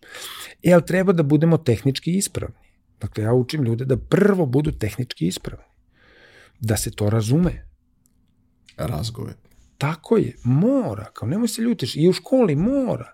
Dobit ćeš nižu ocenu na ispitu na fakultetu zato što ovaj nije dobro čuo neku reč, a rekao si sve što je trebalo. Što to sebi da dopustiš, a pitanje je da radiš par glupih vežbica svaki dan. Jedna od tih, iskrena preporuka, isprazimo jezik, pravimo grimase i govorimo i vodimo računa da ne držimo jezik gornjom usnom, nego da nam gornja usna radi. To je to je moja vežba koja je pro, pro, proistekla iz vežbe čuli smo za Demostena da je vežbu sa kamičcima ispod jezika, dakle imao je prepreku. Ljudsko telo je toliko divno. Ljudsko telo je fantastično, ljudsko telo hoće da savlada prepreku. Kada neki mišići ili neke grupe mišića ne mogu da obave funkciju neku, onda neke druge grupe mišića preuzimaju i njihovu funkciju pa podele među sobom. To je genijalno. To veštačka inteligencija ne ume. Ovaj, uh, to, to je potpuno genijalno. E, zato umesto to ima vežba sa pampurom, to o, hoće voditelji da vežbe ili po dramskim sekcijama, ne, taj pampur pa vežbaš, to je sve za labijalne mišiće, mišiće usana. Jer najviše nam ne rade mišići usana kada govorimo, Ovaj, e, ali kad držiš pampur ili hemijsku oloku, kočiš ove vilične mišiće. Mm. Zato umesto toga jezik. E sad, jezik inate bezi u grlo od stresa. Stres nam se nakuplja u ovim mišićima iza, zato nas često bole mišići između plečkica o, o, i boli kičma, taj gornji deo kičma. E, ali usled stresa jezik se isto povlači u, u, u grlo. Imamo to u krajnjoj liniji u našoj tradiciji i kulturi. Kad neko ima jezičinu, hoće da mu je osijeku. E, E sad, da se to ne bi desilo, ispazimo jezik, vrlo je teško kontrolisati taj mišić, jezik i mišić, a imamo puno glasova koji su prednje nepčani, dakle, gde jezik treba da dođe tik iza zuba ispratimo jezik i važno je tu gornju usnu, a gornju usnu možemo da vežbamo i sa najglupljom mogućom vežbom, prebacimo usnu preko žuba, pa iznad zuba, preko žuba, iznad zuba, preko žuba, iznad. I kad sve to sastaviš, to ne treba da traje duže od 3 minuta. Evrovizijski format, 3 minuta, svako jutro, bez obzira kojim se zanimanjem baviš svako jutro 365 dana u godinu, ja, ja sam sad vežbu u kolima pre nego što sam došao kod tebe, da bih bio tehnički ispravan. Ima krenuli su televizije svojim jutarnjim programima, po, ja mislim da će sledeći da počinje u 3 ujutru. Ovaj, takmiče se ko će ranije da počne, kao, na kraju će pekari da vode jutarnje programe ovaj, i da mese lebac istovremeno. Što to nije loša ideja. Pravimo jutarnji program u nekoj pekari i dovodimo goste da mese lebac. Hmm, interesting. ovaj, eto ideje za neku televiziju. O, um, I onda zvali, jednom su me zvali na neku televiziju da dođem kao u pola sedam ujutru, kao ljudi moje, oću, ali baš pola sedam. Ne, ne, tad nam je najgledaniji, hajde, doći kad je najgledaniji. I onda nisam, ušto sam tik pre toga, to kad ustaneš, tebi ovi mišići ujutru ne rade, tebi pojede, pojede mišićne grupe u telu moraju odmah da se razbude da bi ti držale telo, jer kad ustaneš mora ti drži kičmu, torzo, hodaš i tako dalje, ali lice ne mora. I onda ti dođeš kod čovjeka i kažeš, u što sam se probudio, danas baš je lep dan, vidi sunce na polju. A ovde nema ni jedne emocije, ništa. Kod da si se blago šlogio. Pa da, spava. I e zato razmrdaš lice lepo ujutru, uradiš neki grimase, samo nemojte vilicom levo-desno, jer ćete ostati tako, pošto je taj zglob napravljen da ide samo gore-dole. Ovaj, naduvate obraze, uvučete obraze, mm, mm, sve to o, sa usnom, samo se razmrda ovaj deo. Um, um, jedemo meku hranu sve više, sve mekša i mekša. Jedemo kašice, jedemo stiropor, jedemo ranije, e, kako ti kažem, e, e, jela se tvrđa hrana, bre. lebac bio bez kvasa, bio tvrd, moralo se žvaće, žvaće, jednom godišnje ono, prvomajski uranak staviš vočića na kočić, znaš, pa ne možeš da dočekaš da stav vočić toko ispeče, pa onda uzmeš, pa osjećaš ono malo, pa uzmeš da grizeš, pa kidaš, pa žvaće, žvaćeš kako radi gornje usta. Danas odeš u neki od ovih fast foodova, Gornje usno ne radi ništa. I zato ne govorimo razgovetno, jer gornja usna nam je mrtva. Evo, pogledajte sebe i svoju decu. Koliko vam radi gornja usna? Probajte. Mnogo jednostavno.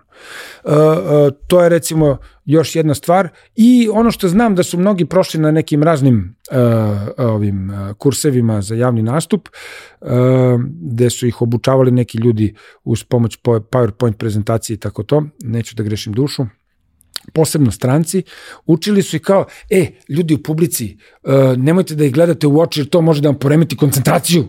Gledajte im iznad glava tamo negde, oni će imati utisak da vi gledate u njih, odnosno u one tamo u poslednjim redovima, a u stvari vi ni njih ne vidite i tako ne mogu da vas poremete ja sam, dakle, apsolutno protiv toga, gledaj čoveka u oči, gde ćeš da ga gledaš nego u oči. Samo nađi jedno koji ti odgovara. Pa ne, e, nisu ti neprijatelji, u, tu je ceo što, e, publika ti nije neprijatelj. I onaj koji zeva ili gleda u telefon dok ti pričaš, on ti je prijatelj zato što ti je dao informaciju da nisi dovoljno zanimljiv da privučeš njegovu pažnju, hvala mu na tome.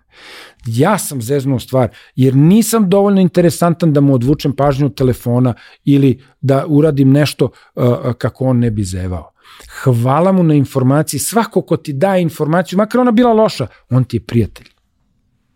E to, to mi, kažem, mi imamo malo taj trip, ja, a ovaj me mrko gleda, nek te gleda mrko. Pobedi ga. Zar to nije izazov? Zar to nije izazov tebi na sceni da uradiš još nešto da, da, da, da, da ga pridobiješ? E, to su neke tri stvarčice koje bi, koje bi mogo da primetim. A što se kulture naše tiče u komunikaciji, Nažalost, mi jesmo malo primitivni, ovaj, uh, to je promenljivo, mislim da to treba škola, prvo, prvo to kreće od porodice, ali mislim da to treba škola da promeni, mislim da treba da se uvede predmet komunikacija u kojem će se raditi i retorika, i neverbalna komunikacija, i ove sve neke razne vežbe i tako dalje. Pa kad, se, kad ta deca dođu u pubertet, kada, su, kada, im, je, kada im samopouzdanje nije nula, nego minus, kao što nam je svima bilo, ovaj, a, a, tada će a, tim svim što su naučili kontrolom, kontrolom daha i ovog i onoga uh, i sadržajem komunikacije moći mnogo pitomije da komuniciraju međusobno, bit će manje sukoba, manje će se svađati, moći će da prepoznaju neverbalnu komunikaciju kad se neko nekome sviđa, a ne ko, kad smo mala deca pa dođeš pa lupiš devojčici, ovaj, lupiš je po glavi, da bi posle, pošto kad nekoga udariš moraš da poljubiš to mesto ovaj, da je ne boli, pa onda tuf, stresneš tako jedan dečkić neki moju sestru lemao bio, kad je bila mala, dođe, tuf, pa onda priđe ako pe poljubi. Ne, dakle, Pa, naučio tako, kaže, kad, kad, kad slučajno udario, onda bo, e, ubio Boga u njoj.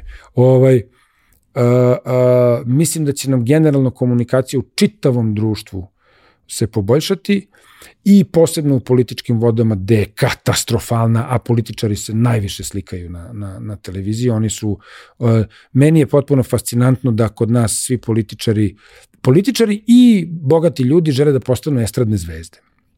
Ima jedan za koga znam da je bogat koji se ne pojavljuje ni u jednom mediju. Ima avione, ima sve, uživa čovek u svom bogatstvu.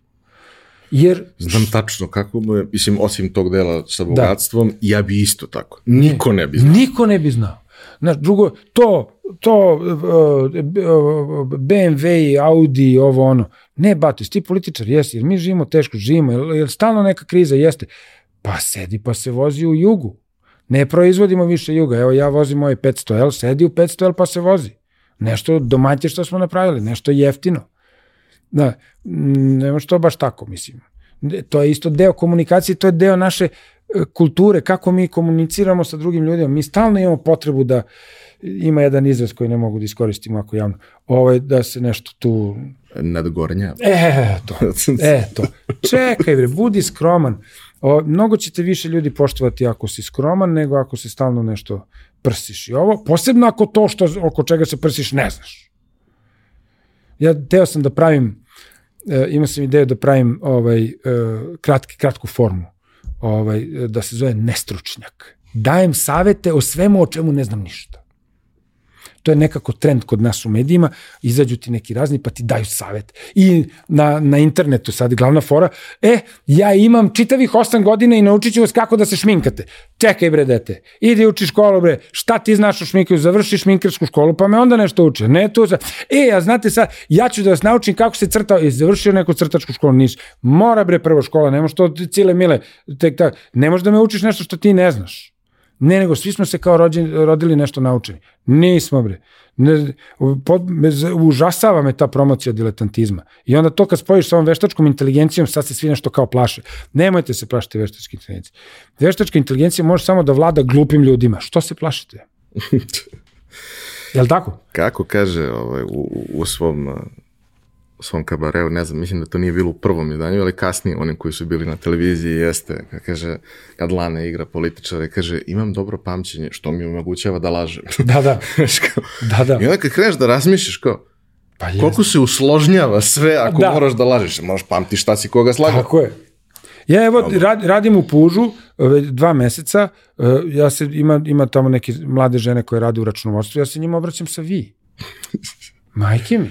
Ja imam 52 godine, znači stariji sam bar od, od nekih od, od njih jedno 20 godina sigurno, jer 15, ja im se obraćam sa vi. Jesmo mi kolege, ali ja sam nov, ja sam ubačen tu, tek stigo, ne mogu ja sad odmah budem na ti. E, ja sam ti direktor, dođe ti kažem bre, dete nešto ovo i ono.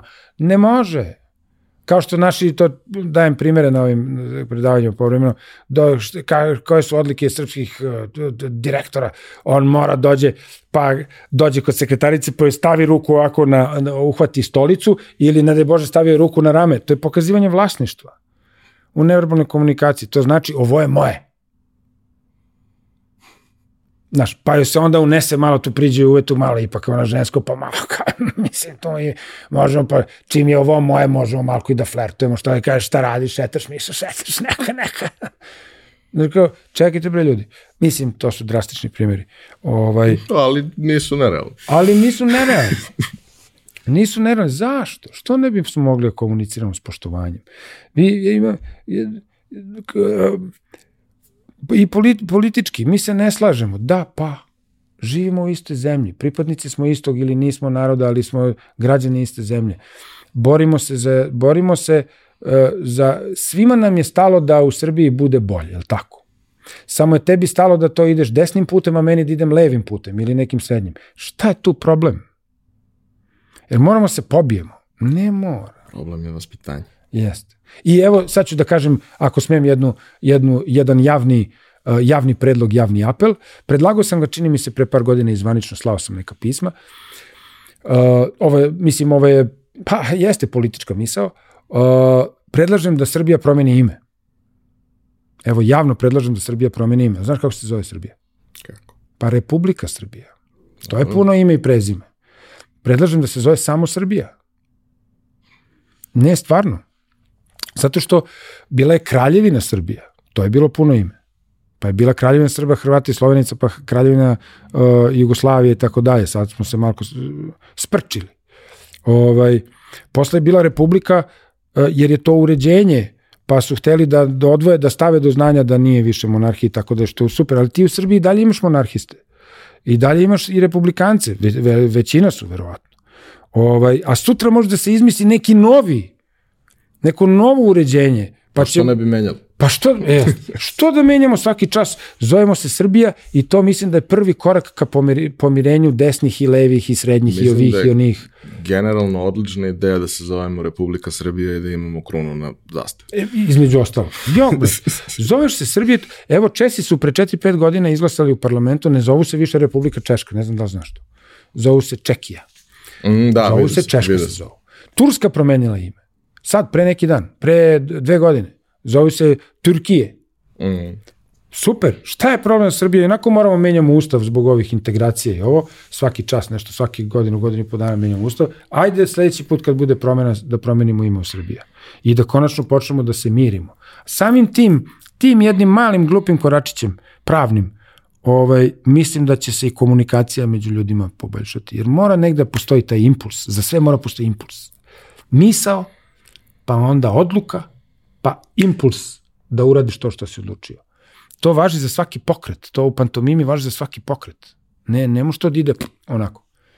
Ovaj, e, eto, neko ovo bude za poboljšanje komunikacije, neko ovo bude prvi koračić, a paralelno sa tim da u školu uvedemo predmet komunikacija od prvog razreda osnovne škole. Čak nek ide od prvog do četvrtog, ako ne može drugačije. Nek postane sastavni deo nekog drugog, ali da se zna da se radi komunikacija. Nek svaki čas počne sa vežbama dikcijskim. Šta, potrošit ćete tri minuta i onda nećete stići čitav program da uradite iz matematike srpskog. Nek bude bar časovi srpskog da počnu sa ABVG da jede da je kada je mene nja i da vidimo, ajde da radimo istraživanje pre i da onda uradimo istraživanje posle dve, tri godine da vidimo kako nam se poboljšava komunikacija. Kad smo već kod Srbije. Srbija! Ti si predsednik Karling Saveza. Karling je jedan od egzotičnih sportova koje ja volim, ljudi koji me znaju i koji me prate znaju da ja volim mnogo egzotičnih sportova, ali Karling je jedan od onih sportova koje sam zavolao na televiziji jer mi je bio neobično interesantan i jer je imao jednu lepu ovaj, asocijaciju, a to je ja sam uh, dete kome ovaj, deda sa jedne strane bio vojno lice, što znači da je živeo na Novom Beogradu, što znači da je u tom bloku bilo boćanje i ja sam najviše volao da dođem i da gledam to. Ovo me podsjećao. Samo je bilo još kompleksnije, Jest. zanimljivije i šarenije i tako dalje. I naravno, gledali smo svi to na Eurosportu kad je počelo da se, kad se počelo da se daje kod nas i sve to. Prethodnih godina je to i popularizovano kroz Eurosport, e, ekipa koja komentariše se potrudila da to bude beskreno zabavno za gledanje yes. i sam Carling je jako zabavan, iako deluje jednostavno, uopšte nije. A ti si predsednik Saveza, ti si neko ko se bavio promocijom svega toga, učestvovao si kao uh, stručni konsultant u nekim od tih prenosa i sve to. Bio reprezentativac, imam 50 nešto mečeva za reprezentaciju. Volao bi da mi Ozbiljno? malo ispričaš prvo odakle uopšte u toj priči, a drugo kako izgleda ta cela postavka kod nas. Jer to je jako mali sport. Da, postav, da, postavka izgleda uh, uh, vrlo jednostavno, nas je nekoliko trenutno u tome koji se oko toga trudimo, sporadično. Bila je korona, to nas je upropastilo skroz. Ovaj, e, organizaciono, finansijski ne dobijamo novce već godinama. Moji honorari e, od poslova raznih su se smanjili, tako da nemam para svojih da u to ulažem. Ulažgao sam godina, mislim, mislim da izvlačići iz fioke, srećom uvukao sam ženu u to. Inače bih verovatno odavno bio razveden. Ovaj, uvukao sam, I uvukao sam sina u to. To je inače porodičan sport u svetu, tako da sam imao njihovu podršku i oni igraju oboje. Čak su, e, čak su ušli u istoriju karlinga jer su se pojavili na, na, na, na svetskom prvenstvu mix doubles mešovitih parova 2016 ili 17. na primer i kao uh, majka i sin igrali su zajedno ovaj, e, na, na svetskom prvenstvu i, i tim kvalifikacijama za olimpijske igre. O, I n, imali su razne rodbinske veze, ali nikad nisu imali majku i sina. A, da, da nisam, kažem, mislim da bih odavno bio skrajnut negde, ali sam izvlačio pare iz fioke ovaj, kućne i, i ulagao u taj sport i svi ljudi koji su u tome i, i dan danas ulažu svoje privatne pare da bismo negde otišli, da bi ovo...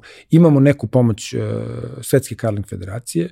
U jednom trenutku, pošto nismo plaćali članarinu, nije bilo sad u vreme korone, teli su da nas izbace, pa su nas tu pomogli ovaj, uh, pomogli Rusi, uh, nisu dozvolili da se to desi. Uh, uh, i pomogli su nas bili i finansijski, pomogli nas je isto u jednom trenutku isto olimpijski komitet, hvala im, da, da, da ostanemo u porodici. Um, ali to je što se postavke tiče. Dakle, ona je klaj-klaj. Uh, na staklenim nožicama trenutno krenuli smo bili vrlo lepo, široko. 2005. godine prva promocija na starom difu. Došli Bugari, Ljubav Velinov, njihov generalni sekretar, pokojni sada, nas je puno pomogao. Bugarska je bila, to jest on i Bugarski savez su nas prvi priznali kao naš nacionalni savez i tako dalje. Tada, tada je bila još SCG. Pardon. Um, oni su nam tada doneli kamenje, doveli sportiste, došao jedan sportista njihov, i, i muškarci i žene, došao jedan sportista u kolicima njihovi i kod nas jedan naš, i on je nažalost preminuo, preminuo uh, Siniša uh, gurno je prvi kamen, tako da prvi kamen u Srbiji je gurno sportista u kolicima. Um, 2006. smo otišli prvi put da treniramo u Kanadu. A u Kanadi je to jedan od U Kanadi je to drugi po popularnosti sport posle hokeja. Košarke i futbol, ovo to dolazi tek posle. Znači prvo hokej je neprikosnoven, pa onda ide karling, pa sve ostalo. Tamo imaju milioni 400 hiljada registrovanih igrača na 30 miliona stanovnika. 14 hiljada staza za karling, onih stazica koje su 5 metara široke i 45 metara dugačke. Ovaj, I tamo je to biznis. E, meni je neodvojivo priča sa karlingom i, i pantomimom i, i glumom, jer sam iz ovog drugog dela zapravo finansirao ovo. Mi smo otišli, ja sam igrao Igrao sam Cvrčka i Mravka u pozorištu Puš 2003. godine, to sam pre neki dan našao u knjizi jedne tamo. Znači, pre 20 godina tačno. I tad sam predavao na Akademiji lepih umetnosti i jedan od studenta, uzeo sam jednog od studenta da mi bude posle, kad je već bio pri kraju, da mi bude asistent, jer, smo, jer je radio sa mnom pantomimu i van škole i ovo, Bojan Mijatović se zove. Ovaj, i, I u jednom trenutku, to je ja, 2000, pa da, 2006. Uh, uh, Igor Đorđević je igrao i ko je igrao još, setit ću se. Uh, u alternaciji su igrali uh, Mrava, ja sam igrao Cvrčka za Bušanta. I mi smo već gostovali sa indeksovcima, sam već bio na turneji po Severnoj Americi, Kanadi i to sve. I ovaj kaže, imate nešto za decu, kaže ovaj, prijatelj Zoran Moro, on izdaje neke CD-ove, stripove kod nas i tako dalje, živi u Kanadi, organizuje stvarno vrlo profesionalno organizuje tamo sve, sva gostovanja u pravim pozorištima, ne ono u budžacima nekim i to. Kaže, imaš neku dečju predstavu, rekao, imam crčka i mravka i pitam ja Branka uh, Kockicu, opet krug, viš, sad sam se vratio posle 20 godina u Puž, rekao, imam, imam za Kanadu, da idemo to, ma kaže, idi, radi što hoćeš. Ovaj, a, dobro, rekao, pitam ovu dvojicu, jedan je počinjao neku seriju da snima, a drugi se plašio aviona. Ja rekao, šta da radi. Rekao, Branko, mogu ja da uzem ne, nekog trećeg da igram? Ma kaže, radi, idi, radi. I ja dođem ovom mom asistentu Bojanu i kažem, slušaj, uh, vodić, ubacit ću te da igraš u predstavi, ja on glumac, student glume, tek ono, ubacit ću te da igraš u predstavi, ali uh, i idemo u Kanadu na gostovanje, ali uh, moraš sve pare koje zaradiš da spiskaš tamo da učimo da igramo karling. Aha. Pa rekao da igramo karling. Šta ti je to? Ma rekao, to ti sport na ledu, objasnimo ja, pa kaže, dobro, hoću, za ulogu sve, znaš kakvi su glumci, sve za ulogu, nema problema.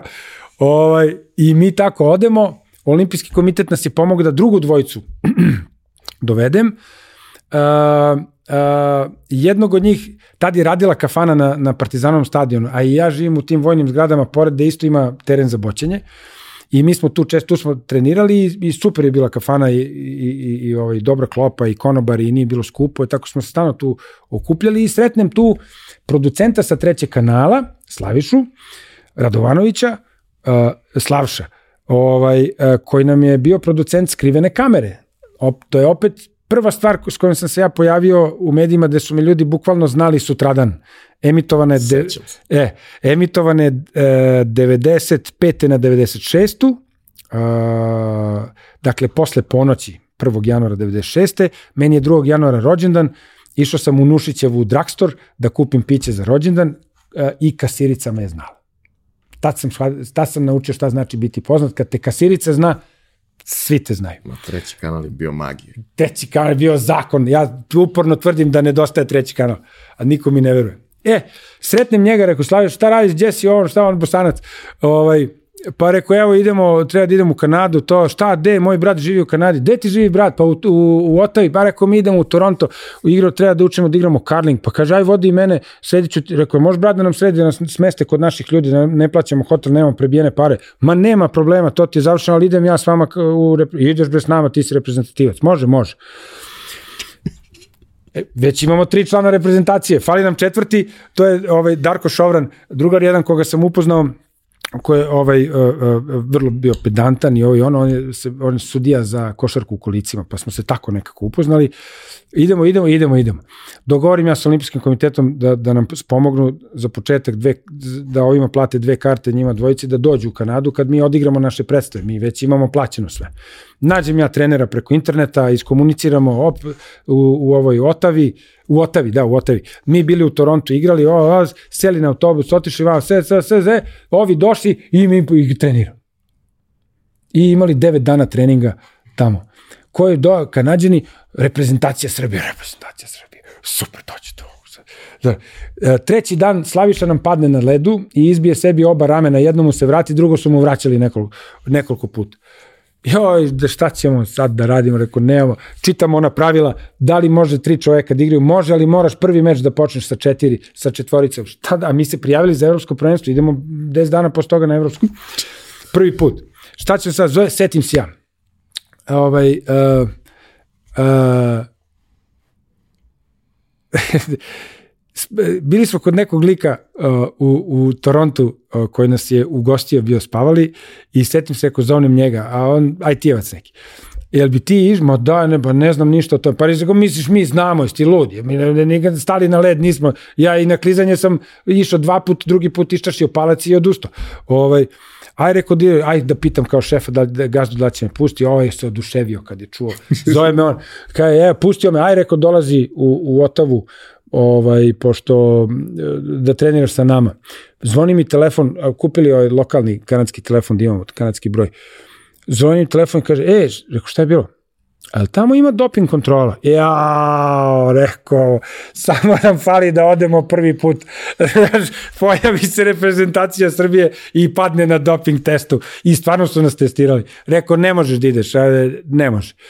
I setim se da sam ovde bio promoter te godine uh, sinergije Microsoftove ove konferencije na koju sam ja doneo i Carling da promovišem jer smo mi napravili neki drveno kamenje na točkićima da, i odštampali da. ono. I tu mi prišao neki čovek koji je vodio njima IT sektor, vodio u Dinersu valjda dok je postojao i kao, e, znate, moj sin, ono, božava Carling, knjigu je napisao o tome, on rekao, super. I ništa. I okrenem ja njega, rekao, vi možete nas sredite dve Diners kartice da mi kupimo avionske karte za, za, za Švajcarsko, jer je tamo bilo evropsko prvenstvo, nema prebijene para, ja ću vam ubacim sina u, u reprezentaciju. Mo nema problema, super. Ovaj, I mi ti tako istreniramo, naučimo da igramo. Uh, generalni sekretar naš, koji je u stvari završio sve papire i završavao na sve papire jer je znao o tome, pošto je bio u, u plesnom sportu, Kale, Miodor Kastratović, rekao dok smo mi u Kanadi, aj nam nađi neke naše u, u, u Bazelu da nas meste, nemamo para. Bazel, Srbija, o, izađemo neki Überašunge, Süse, Uh, poslastičarnica, nešto, ne znam šta znači Iberašung, Iberašung je valjda fantastično, nešto je to, svi se slatkiši. Ovaj, okrene on telefonom, e, naša reprezentacija, nemamo para da se smesti prvi put na evropskom prvenstvu, nema problema, sad ćemo mi da nađemo. Nađe nam čovek, smeštaj. Uh, u hotelu. Posle nam je rekao da on ima 3-4 stana, ali reprezentacija mora bude u hotelu, neće bude u stanu. Rekao, što nam nisi dao džabe stana, ne da se tro... Ne! Iznajme nam sobe u hotelu nekom uh, tri dana, a naš, bio je naš čovek menadžer u hotelu, ovaj, onda je on te sobe proglasio za, da je kao crko WC i nešto da ne valjaju, samo nam je rekao budite tihi kad uzlazite i izlazite i onda smo mi bili inkognito tu, obezbedili su nas da nas ljudi voze do, ta, do borilišta i nazad, do, do hale i nazad i svaki dan smo išli u drugi srpski restoran u Bazilu gde su nas hranili i uh, kuglaški klub u Bazilu koji je prvak švaj, prve švajcarske lige u kuglanju, skupili su kuglaši dali po malo para i skupili nam 500 franaka da imamo za džeparac. I mi smo tako otišli prvi put na evropsko prvenstvo 2006. godine u Bazelu i ne samo to, nego smo imali u hali uvek bar po 5-6 naših navijača sa zastavama iza stakla, pošto su te hale za karling e, nemaju ono tribine, nego ima kao kafić neki koji je zastakljeno, dakle se gleda i uvek smo videli srpsku zastavu i ovo i ne samo to, nego treći dan pobedimo, pobedimo uh, Estoniju. Estoniju smo pobedili sa dva razlike, mislim ili jedan, ne znam koliko je bilo, kad su isto, to decembar mesec, istrčali naši na onaj led, blatnjavi. Ovi ledađije se hvataju za glavu, kao šta radite ljudi, bešte sleda, moramo pravimo od početka sve. Imamo fotografije, mislim da ima i na sajtu našem, fotografije ispred table sa rezultatima i poslednji meč, poslednje kolo se igra mi i Kazahstan. Igramo protiv Kazahstana, Ovaj, I svi su već završili, to je derbi začelja bio.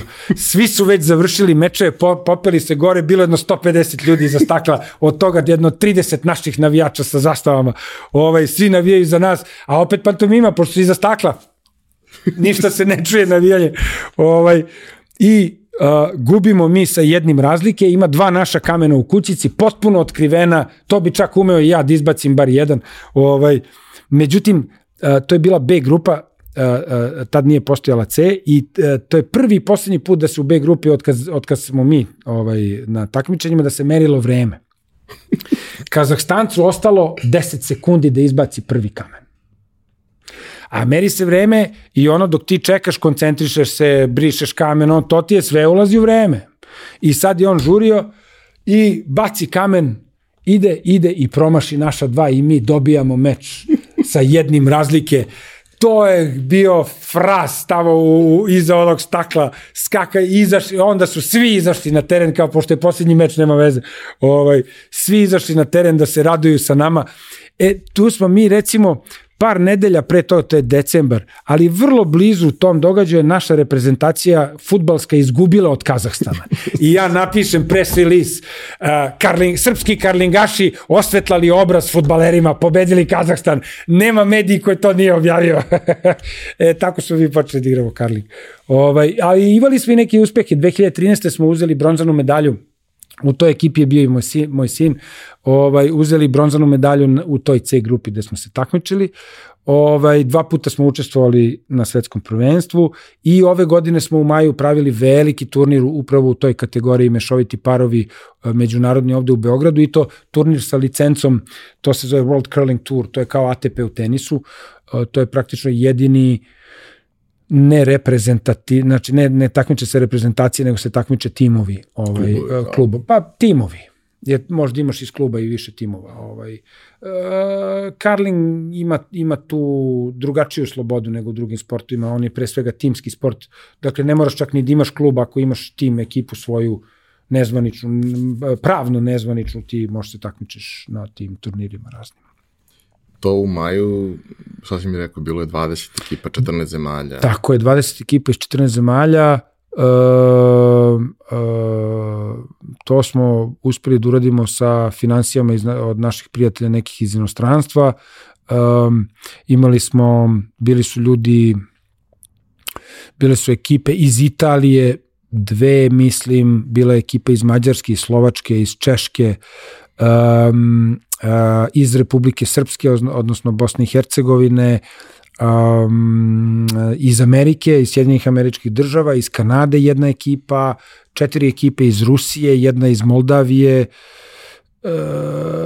verovatno sam nekoga zaboravio. E, imali smo jednu mešovitu da je igrala jedna naša e, Dragana Bajkanović igrala sa jednim Škotom, ovaj, um, zato što imali smo tri dana pred početak turnira jedna češka ekipa zbog Rusa nam je otkazala, nije tela da dođe, ovaj, i onda smo, da ne bismo menjali čitav žreb i sve to, onda smo na brzaka sastavili ekipu, Dragana je igrala sa, sa, sa Škotom koji nam je u stvari bio ledađe, mi smo dobili, do, dobili smo ovaj, Škota za ledađiju uh, uh, koji nam je pravio led svo to vreme, hvatao se za glavu kako će to da uradi, ali uradio je na kraju i sve, i sve bilo. I super je prošao turnir. Baš, baš, baš je bilo dobro. U hali Pionir. U ledenoj dvorani. U ledenoj dvorani Pionir, da, da, da. U ledenoj dvorani Pionir. E, to smo ih zamolili da, da dođemo na kraj sezone kada, kada hokejašima i klizačicama isteknu svi ugovori, jer je, ne možemo na tom ledu da radimo, znači moramo da napravimo svoj led. Pošto on je izbrazdan od, od klizaljki, um, a da opet ne bismo njima smetali tokom sezone, da i oni su vrlo teritorijalni, što se kaže. Znaš, kao, ovaj, kad im dođe tako neki karling, nešto, neko, što ćete vidjeti, samo stanu ovako, ne da nam duđemo. Šalim se. Ali ovaj, e, različiti, različiti je kvalitet leda i onda, onda ne, mož, ne možemo zajedno u isto vreme, definitivno. Uh, I super je bilo, to je bilo početkom maja, kad beše od uh, 10. do 14. maja, tako nešto. Uh, imali smo čak, iznenadio sam se i publiku. Bilo je po, na finalu je bilo jedno 20 ljudi u publici. ovaj, uh, nisam očekivao nikoga da dođe, ali eto, neki su valjda pratili naš sajt. Ja sam to isto objavljivo u medijima, ne mnogo, ali jesam. Uh, nisam mnogo zato što su dolazili Rusi, pa nisam hteo da izazivam da neki anti ovo i anti ono, pošto je to sport. Mi smo poštovali sva pravila olimpijskog komiteta, uh, kako Rusi smeju da se takmiče, nisu bili pod svojom zastavom, nije bilo himne, nije bilo ni na dresovima nikakvih obeleži i tako dalje. Znači sve je bilo ispoštovano, ali uvek ima neko ko hoće nešto da se buni, pa zato nismo previše u medijima bili. Ovaj, uh, I drugo, to su sve naši drugari koje znamo 100 godina. Da, koji su... potrebe da neko ima Ma da. neprijatno iskustvo. A, I bili smo dobri domaćini, svi su bili oduševljeni, organizacija je bila odlična. Ima, možete pogledati na sajtu, uh, prenosili smo direktno bili preko YouTube-a radili smo direktne prenose, ovaj, bez komentatora, nemo se ljutiš. Da smo znali da te zovemo da nam budeš komentator. ovaj, bez komentatora smo radili, tako da mogu da se pogledaju snimci na sajtu i na YouTube-u mečeva. Napravili smo neki presek raznih stvari koje si radio. To daleko od svega. Ti si mm. previše komplikovan čovjek. Ali... A trudim se mi ne bude dosadno. Pa, a voliš da... A volim. I onda jebi. Volim, izvini. Znam. Ovaj... I preterujem, imam visok pritisak zbog toga. Šta dalje? Ma, otkud znam šta dalje. E, evo sada od pre dva meseca, ne znam kada će se ovo emitovati, ali od 1. jula sam VD direktor pozorišta Puž, ne znam koliko ću se dugo tu zadržati, do godinu dana. Um, taj krug opet od 2003. kad sam prvi put igrao nešto tamo, evo 2023. 20 godina periodične saradnje um, i završava se tako uh, što mi je onako poslastica i imponuje mi i, i znači mi svakojako. Uh, nisam neuk za taj posao, upravljao sam Savezom, upravljao sam svetskom organizacijom pantomimičara godinama, bio sam VD direktor Doma omladine dve godine, svašta nešto tamo radio, deci sam posvećen od početka svoje karijere, svi smo počinjali sa, i u humanitarnom radu sa nekim ono humanitarnim predstavama, pa dečim predstavama, pa, pa tako da zatvara se tu neki, neki krug. Želim tom pozorištu da, da, da dam sve što mogu da dam od svog znanja i umeća. Ono, to je tako uigrana ekipa, to su ljudi koji rade po 20 i više godina zajedno. Ja sam tamo ubačen element. Ovaj, to je tako uigrana ekipa da njima nikakav direktor ne treba. Mislim, njima ne treba, njima ne treba niko. Oni, e, oni su samo upravljači.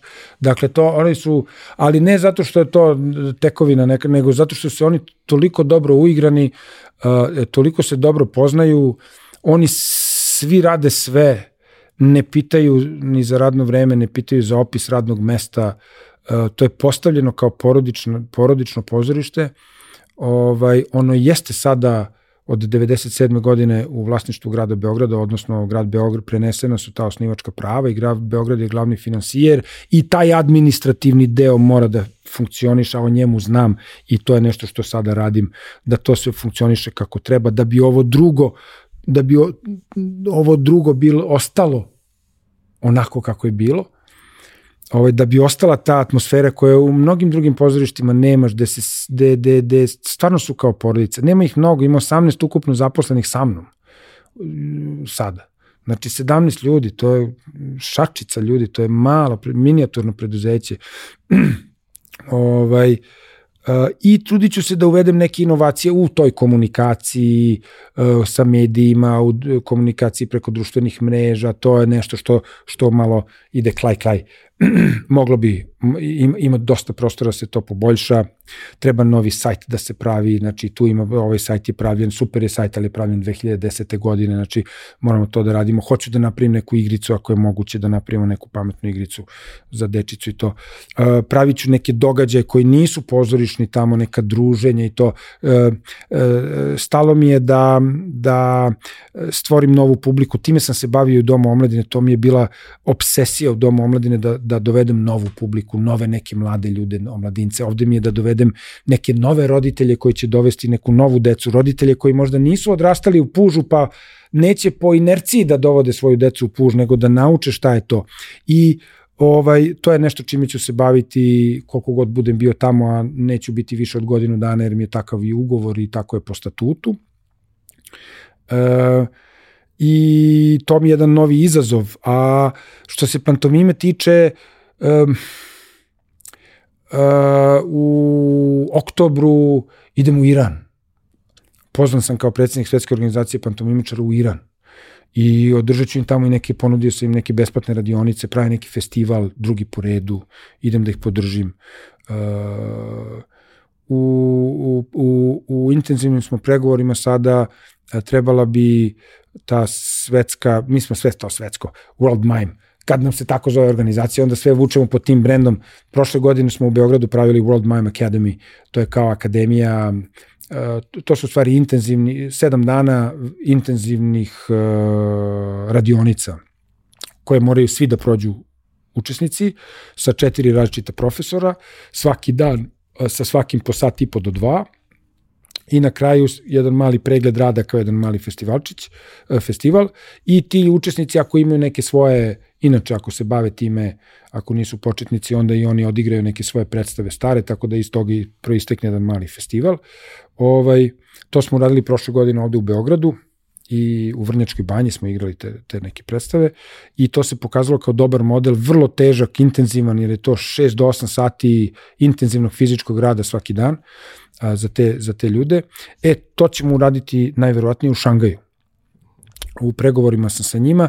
Inače je trebalo da se svetska konferencija o pantomimi, dve sam pravio ovde u Beogradu i treća je bila hibridna online između Beograda i Šangaja ovaj, e, trebalo je 2020. da se desi uživo u Šangaju, ali zbog korone nije.